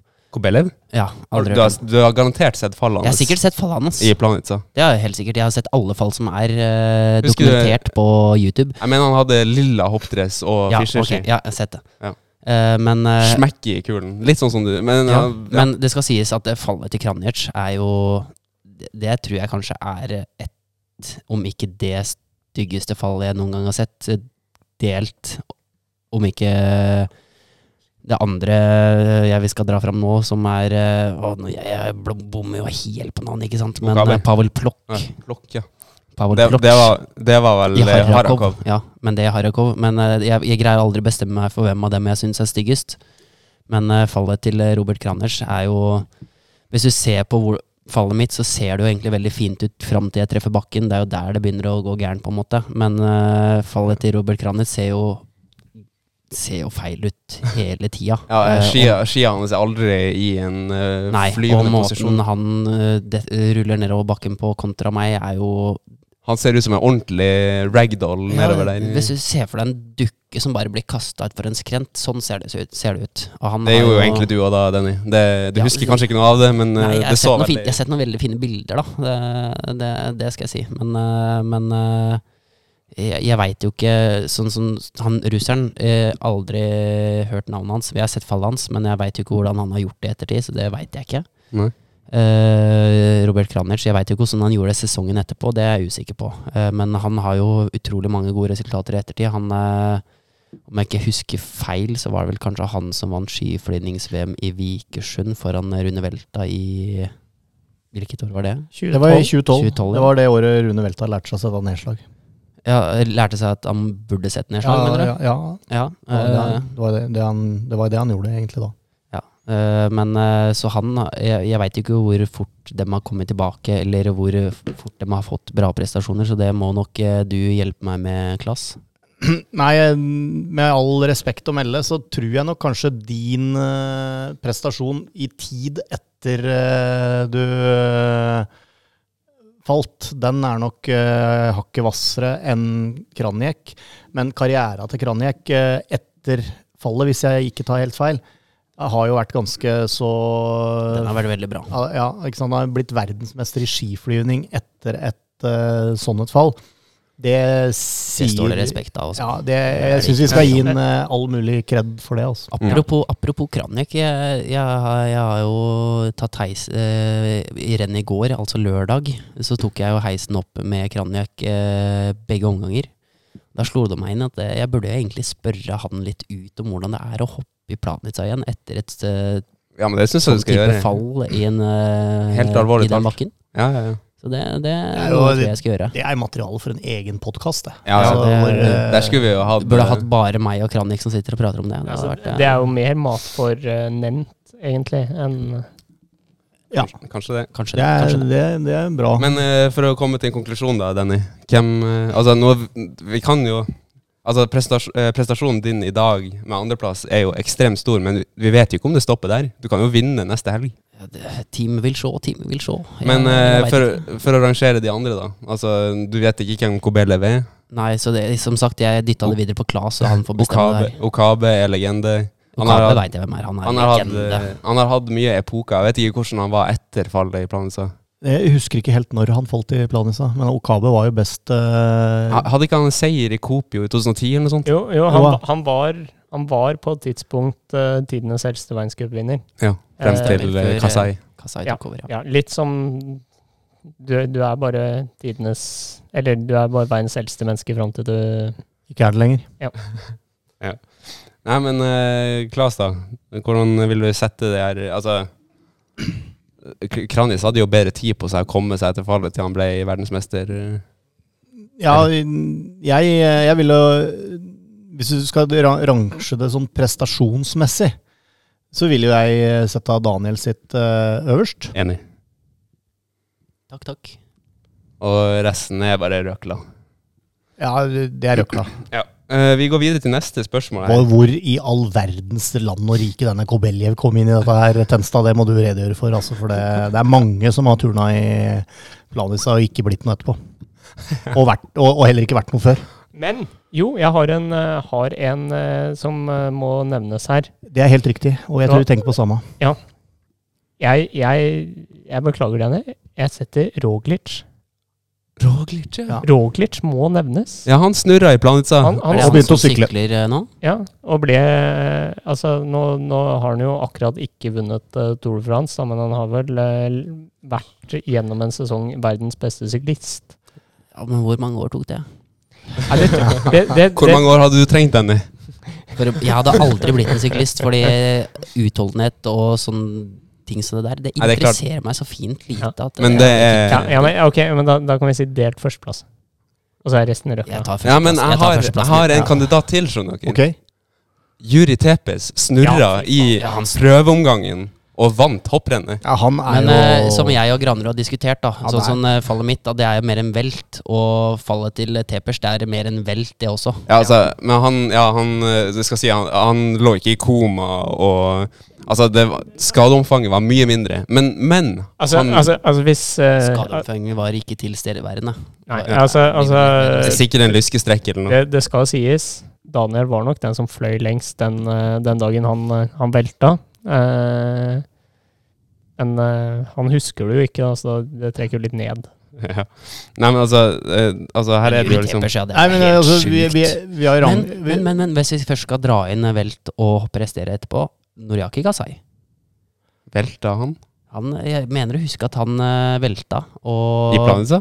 knakk skia, bytta ski og var topp seks eller noe sånt. Jøss, så Det mye store det mener jeg å idrettsmenn.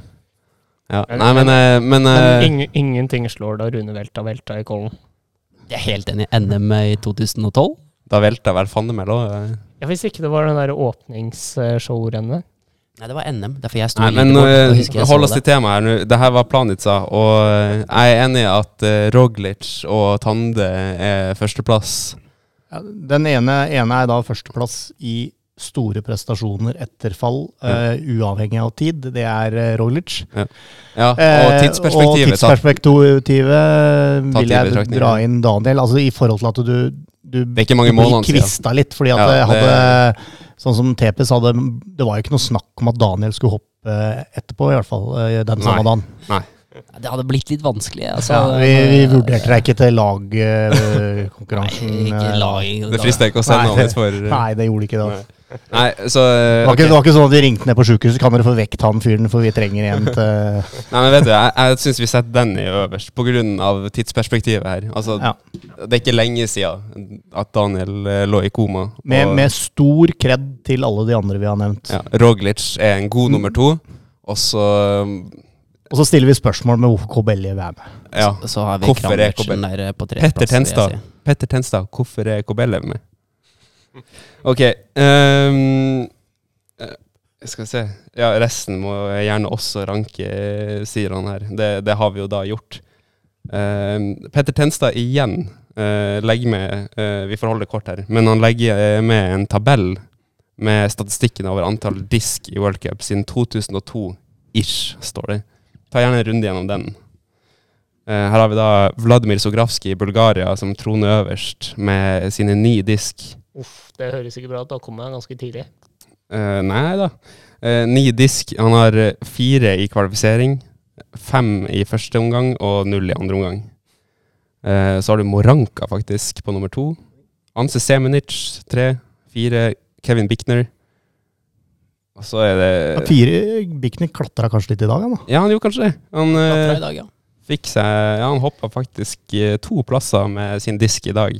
Disqualified Hall of Fame. Det Men uh, vet dere hvem som er første nordmann, første nordmann på lista? Vet du hva? jeg tipper Fandemel. Nei. Jeg Så du vil- det, Danny? Eller? Jeg så. Jeg så. Ja. Ja, det, er, det er ikke lov å si det. Nei, få høre, Klass. Igjen en eh, jeg, jeg, kan- jeg tenker kanskje Johan Forfang er høyt oppe der. det er ikke dumt uh, tippa, men det er faktisk to stykk som er foran meg. Ok.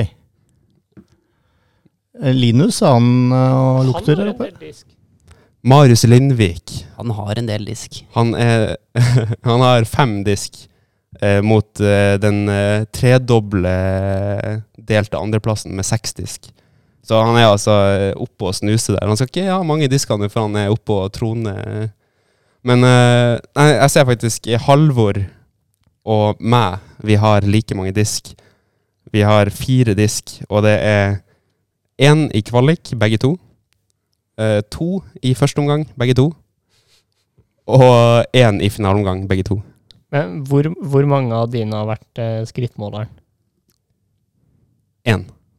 Ja, al- al- altså jeg, jeg syns at sånn skrittmålsdisk, de, de må de kan ikke telle mer enn et halvt Å, hør en som snakker ja, men- opp seg men sjøl her, da. Hvis du, hvis du, ser, Nei, på, ja, men- hvis du ja, men- ser på lista, så står det ikke DSQ, det står NPS. Så not permitted to start, så det er ikke en disk. Nei, ikke nå lenger. Men Så det jeg, var nytt av har, jeg har var, ingen disk, jeg, i så fall, da. det var nytt av året i fjor.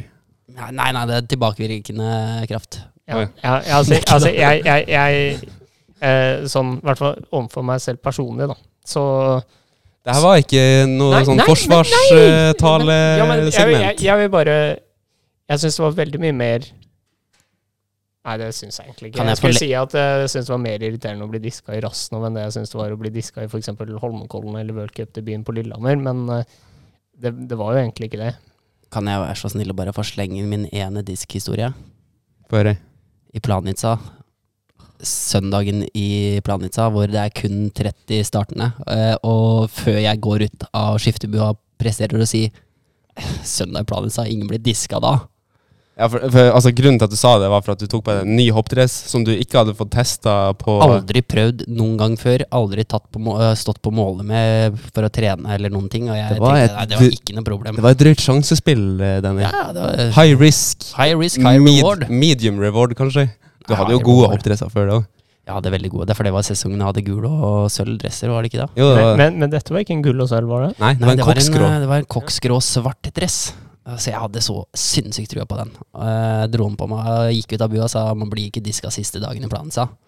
Kommer opp på toppen og yes, du får ikke lov til å hoppe. Jeg bare faen. Men du dro Også, ikke ned. Du ble Nei, sittende det er på det som er det morsomt. Det er fordi jeg, jeg, jeg begynte å gå oppover, og så bare faen, ass. Måtte heise ned og drit og faenskap. Jeg hater å heise ned, fordi jeg har jo høydeskrekk, så det er helt forferdelig.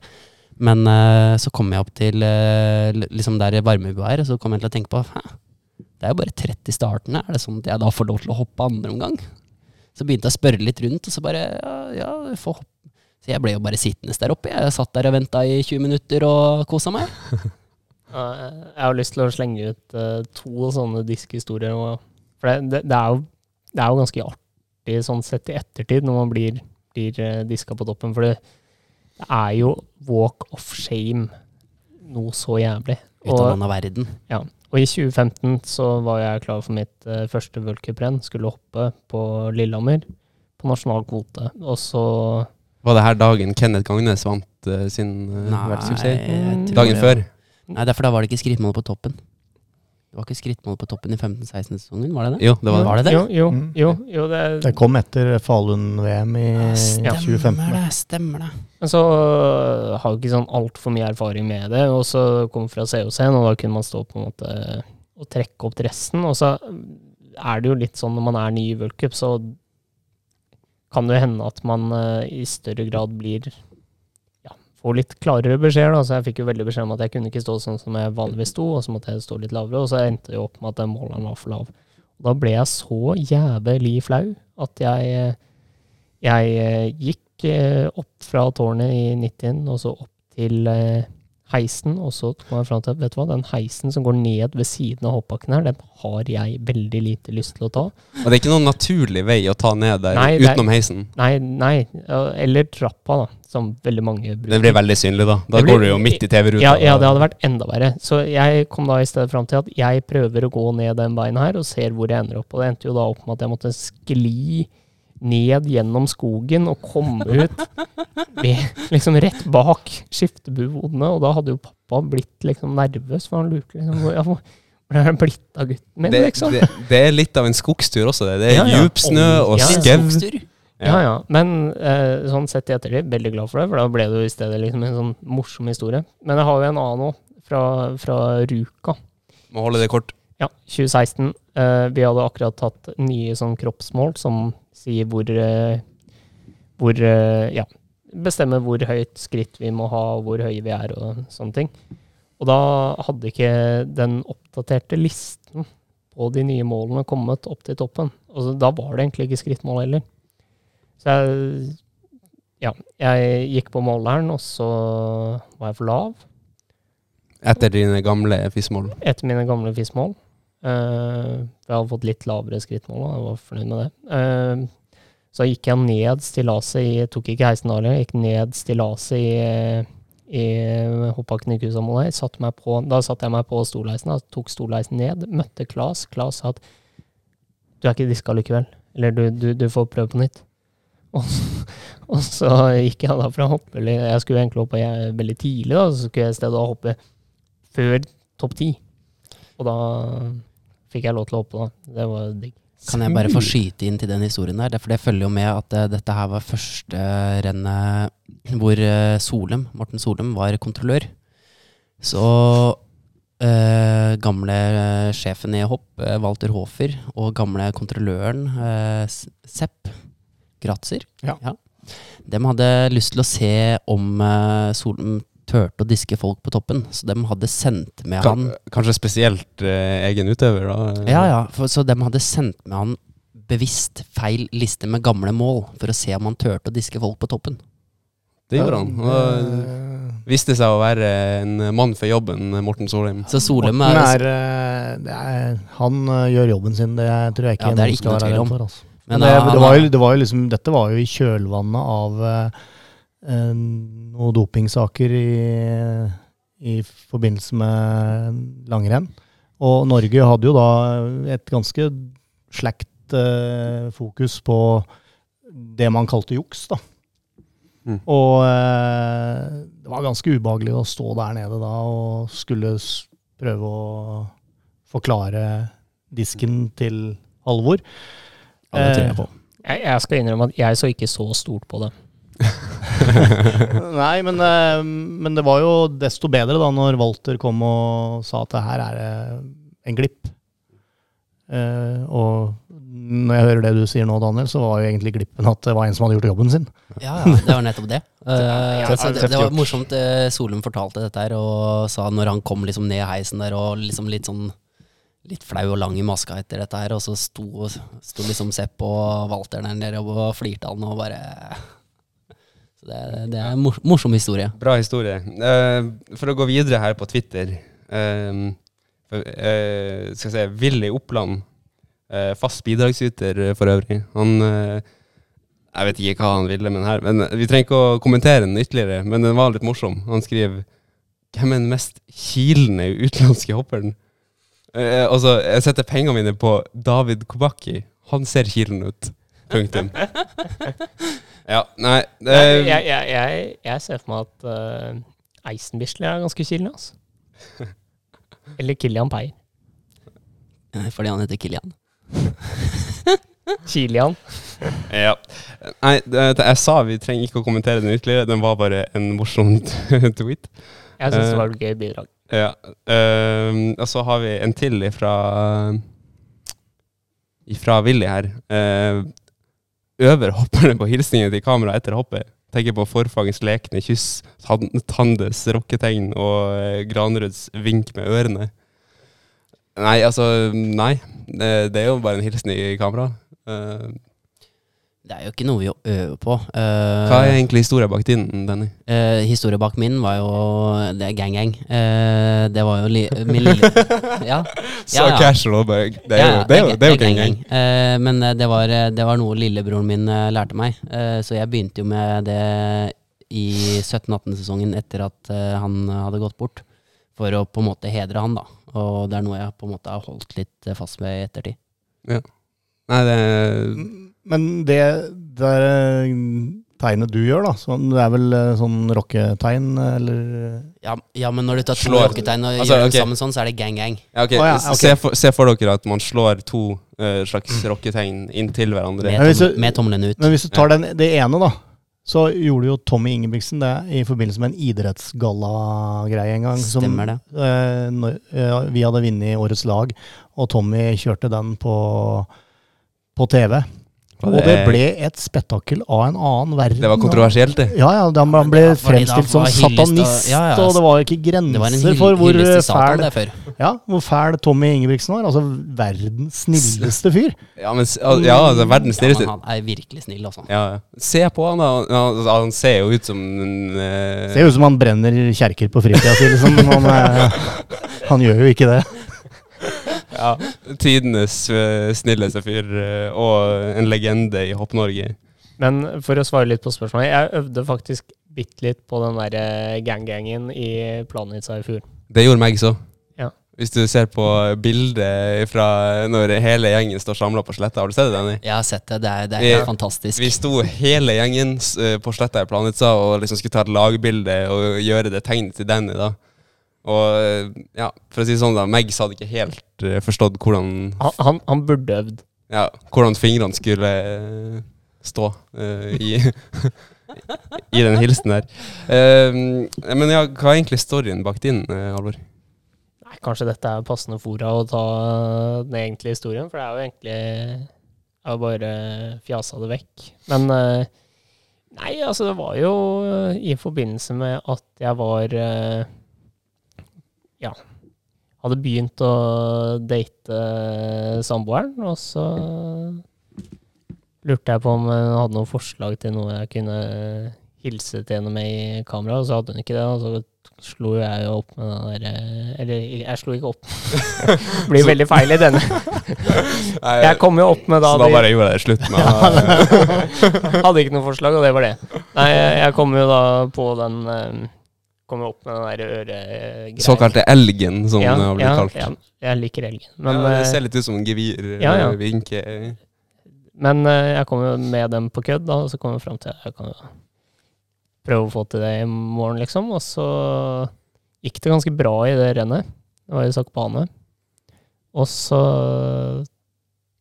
fikk jeg litt sånn positiv feedback på det. Så har det bare Da kan man ikke slutte med det, ikke sant? Nei, og nå, nå, nå føler jeg at nå har det blitt en slags signatur, da.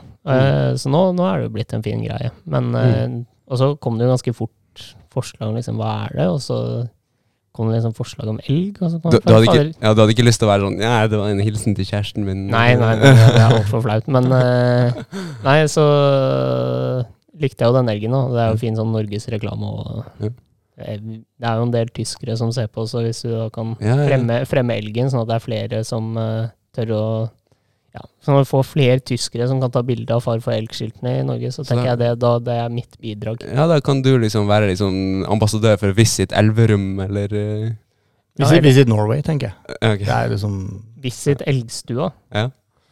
Og så har du jo Altså, uh, du har jo Kenneth sin. Den eh, Hei, hei, lillefingeren. Uh, vink, Lillefingeren, ja. vinke med lillefingeren. Det eh. er marken. Ja, altså, så kan han liksom gå rundt og liksom være så tøff. Og så er han sånn Ja. Ja. Eh, Kenneth.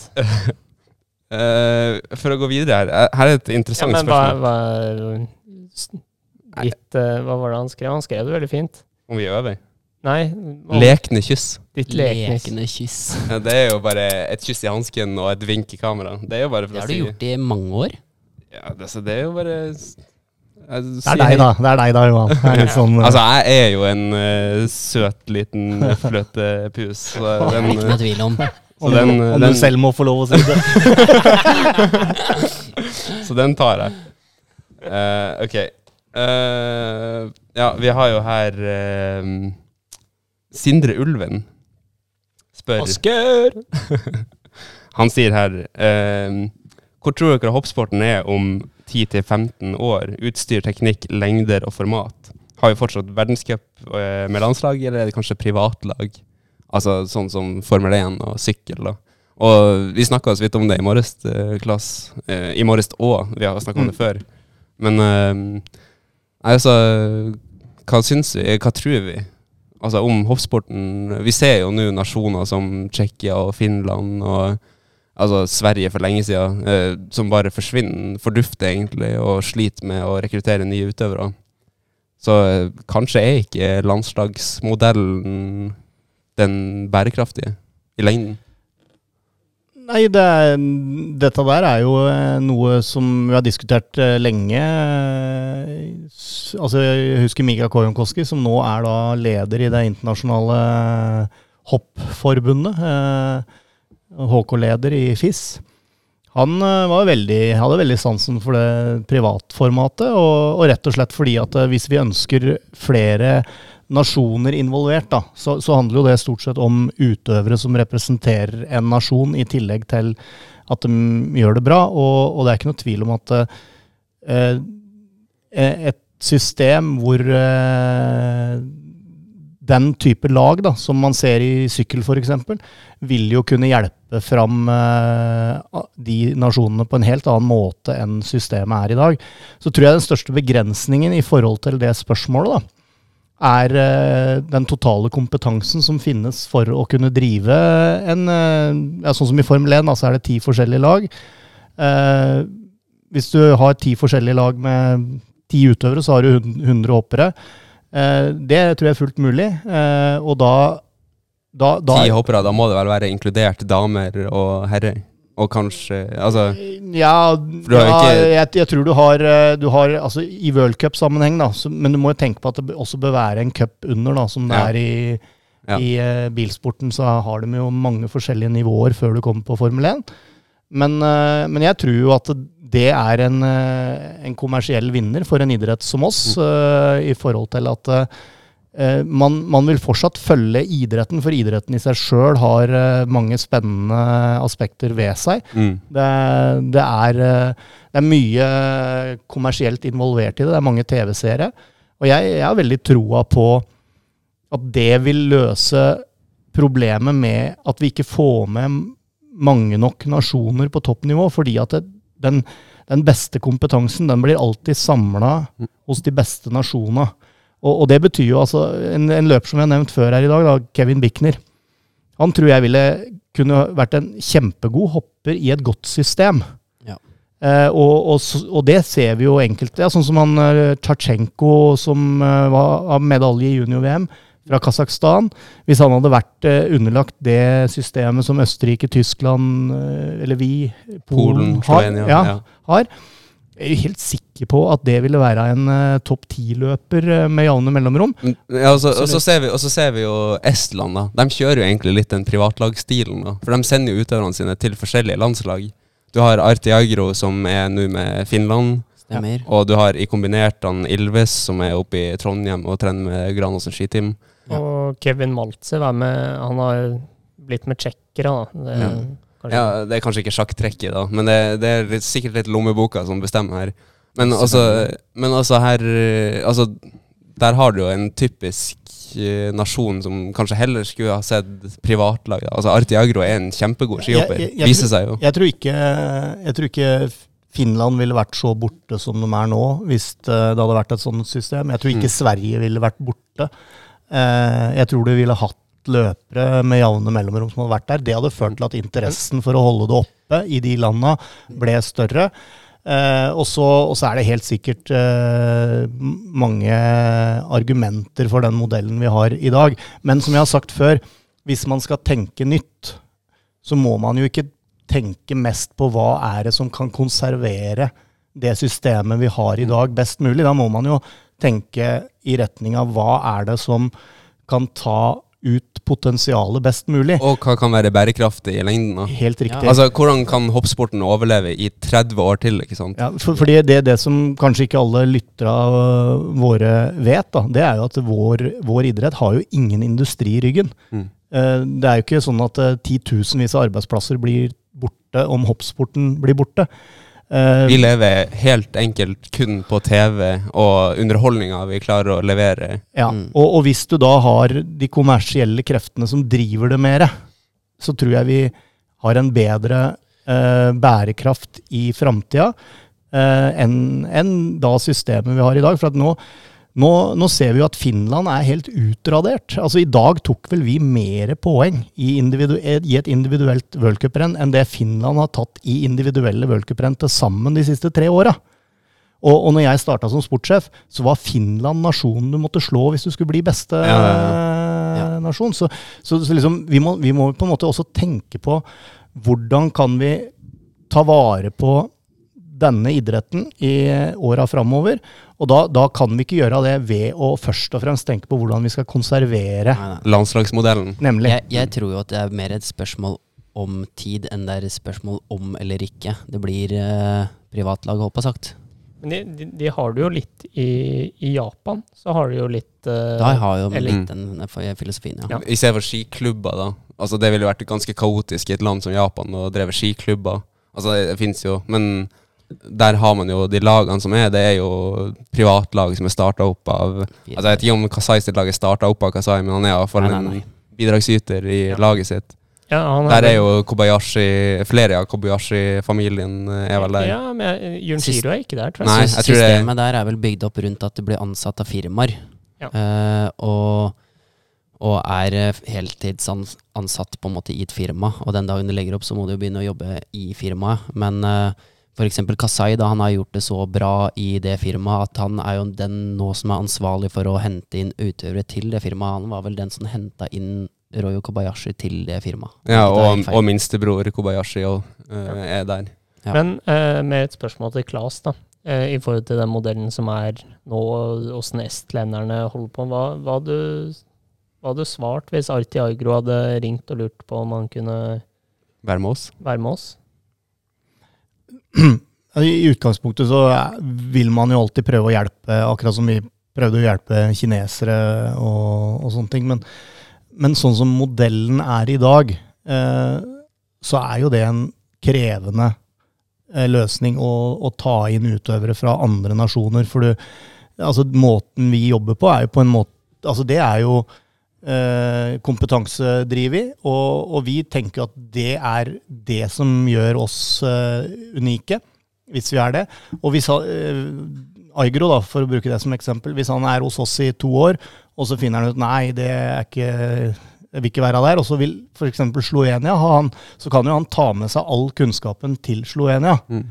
Eh, og den, den måten for kompetanseflyt i eksisterende modell, den tror jeg ikke hadde vært noe særlig. Det hadde vært mye bedre i en kommersiell modell, da, Mm. hvor, hvor man kanskje måtte kjempe om disse utøverne. Og der man, der man må på en måte kjøpe stillhet fra utøvere, og Ja. altså, ting blir kontraktsfesta. Der Du kan ikke bare spre rundt deg med alt av uh, informasjon. da.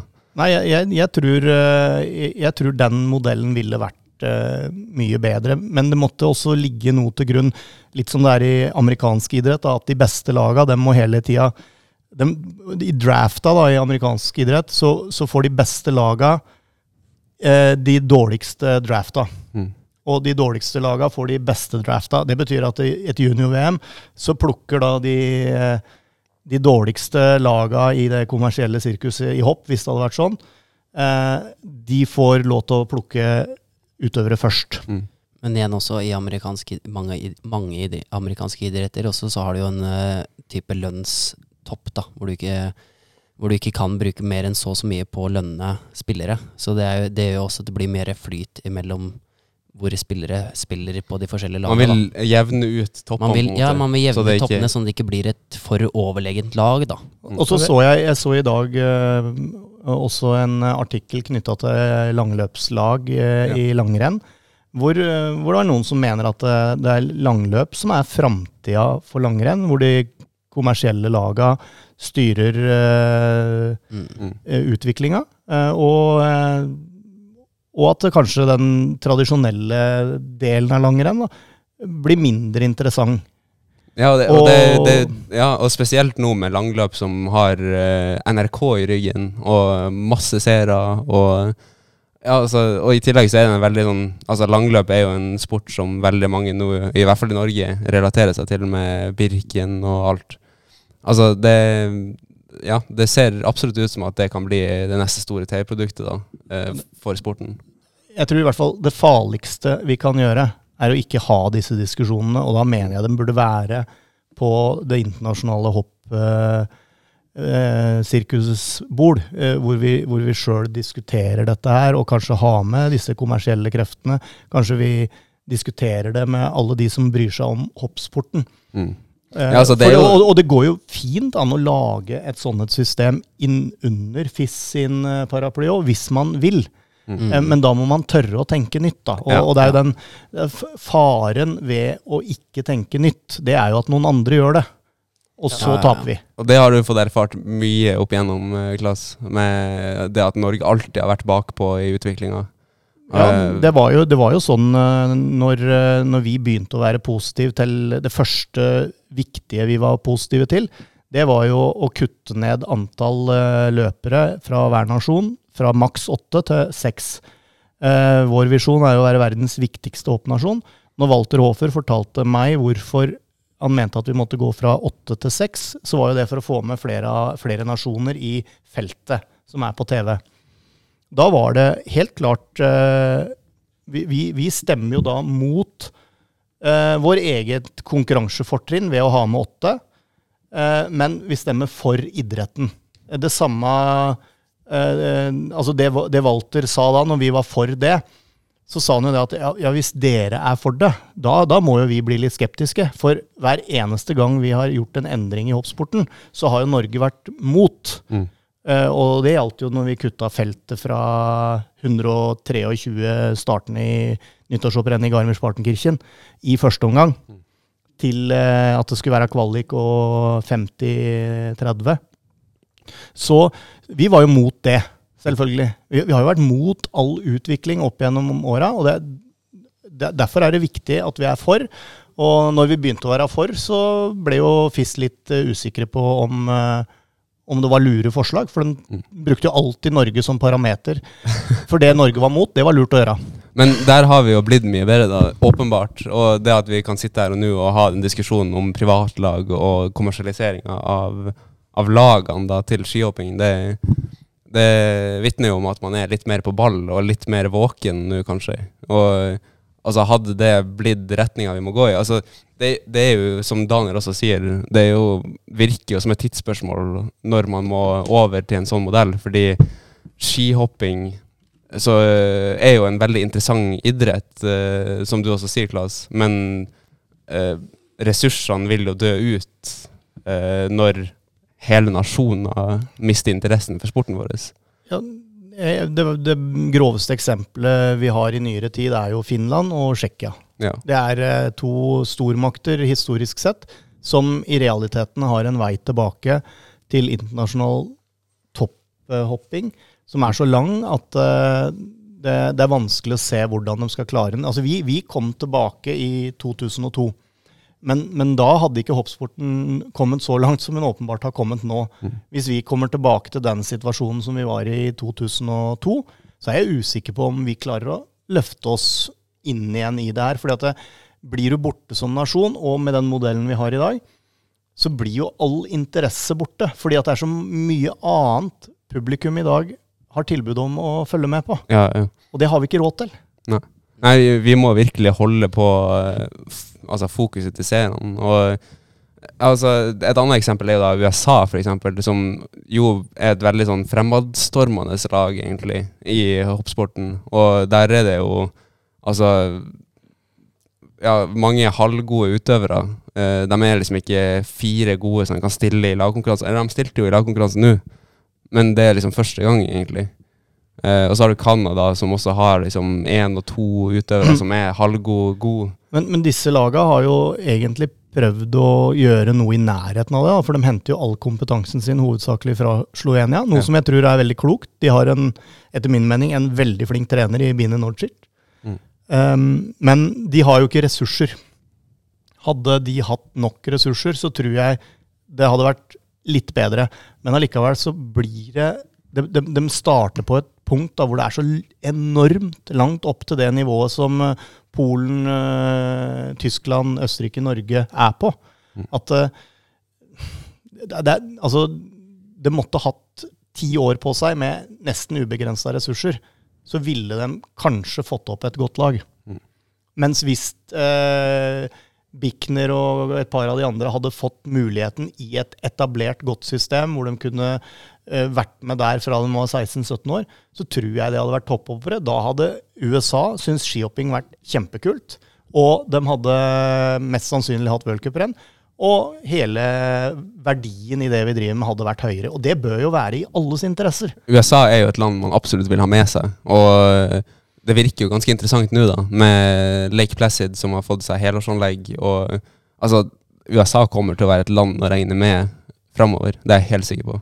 Og i hvert fall når de er, som du sier, de er kloke nå og henter kunnskapen utenfra. Litt sånn som Finland kanskje ikke gjorde, og var litt mer sta på sin egen stolthet, og at de hadde kunnskapen innad i nasjonen sin, har kanskje vært litt uh, der skoen har trykt for dem. Ja, pluss at uh, all, alle de hopperne som var veldig gode på 2000-tallet og slutten av 90-tallet i Finland, de forsvant jo. De begynte jo med andre ting. Jeg hadde jo en Mm. ganske lang samtale med han eh, Mika, som er kontrolløren vår nå, om, om finsk hoppsport, og det var liksom Nei, altså alt, alt altså Hau- Hautamäki driver og har liksom vanlig sivil jobb og De ble ikke hopptrenere, liksom. Han er lokfører.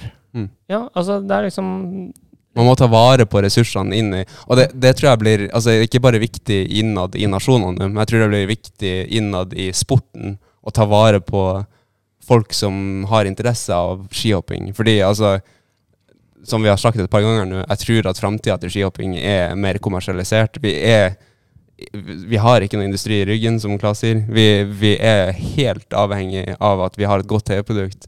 Og konkurransen der blir ikke noe mindre.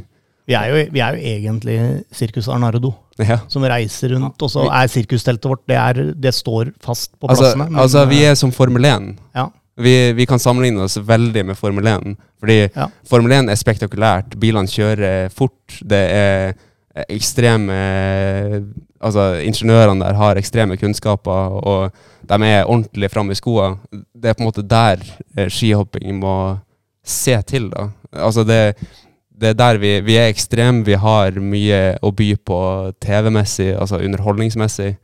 Og så må man på en måte få lagt forholdene til rette da, for å kunne bedrive idretten vi er glad i. da. ja, jeg tror du har helt riktig poenger her. Ja, nei, Det var et veldig bra spørsmål av Sindre Ulven her. Og det, det er åpenbart flere som tenker på det. At uh, nasjoner begynner å forsvinne fra sporten vår. Så det er kanskje veien å gå. Nei, jeg vet ikke om vi skal runde av der. Det begynner å bli en lang podkast. Har noen å tilføye? Skal vi ikke ha ukas eh, oppdrift og bakvind? Jeg tenkte vi skulle det, men jeg tror ikke vi får tid, rett og slett.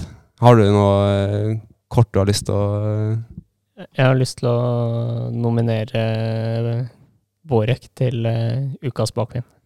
Og, da, og Danny til ukas oppdrift. Ja, det, jeg, jeg du har, den, ja, jeg er også Danny og Kenneth som ukas oppdrift, og så, Ja, Kenneth, jeg også. og så bakvind Vet jeg ikke.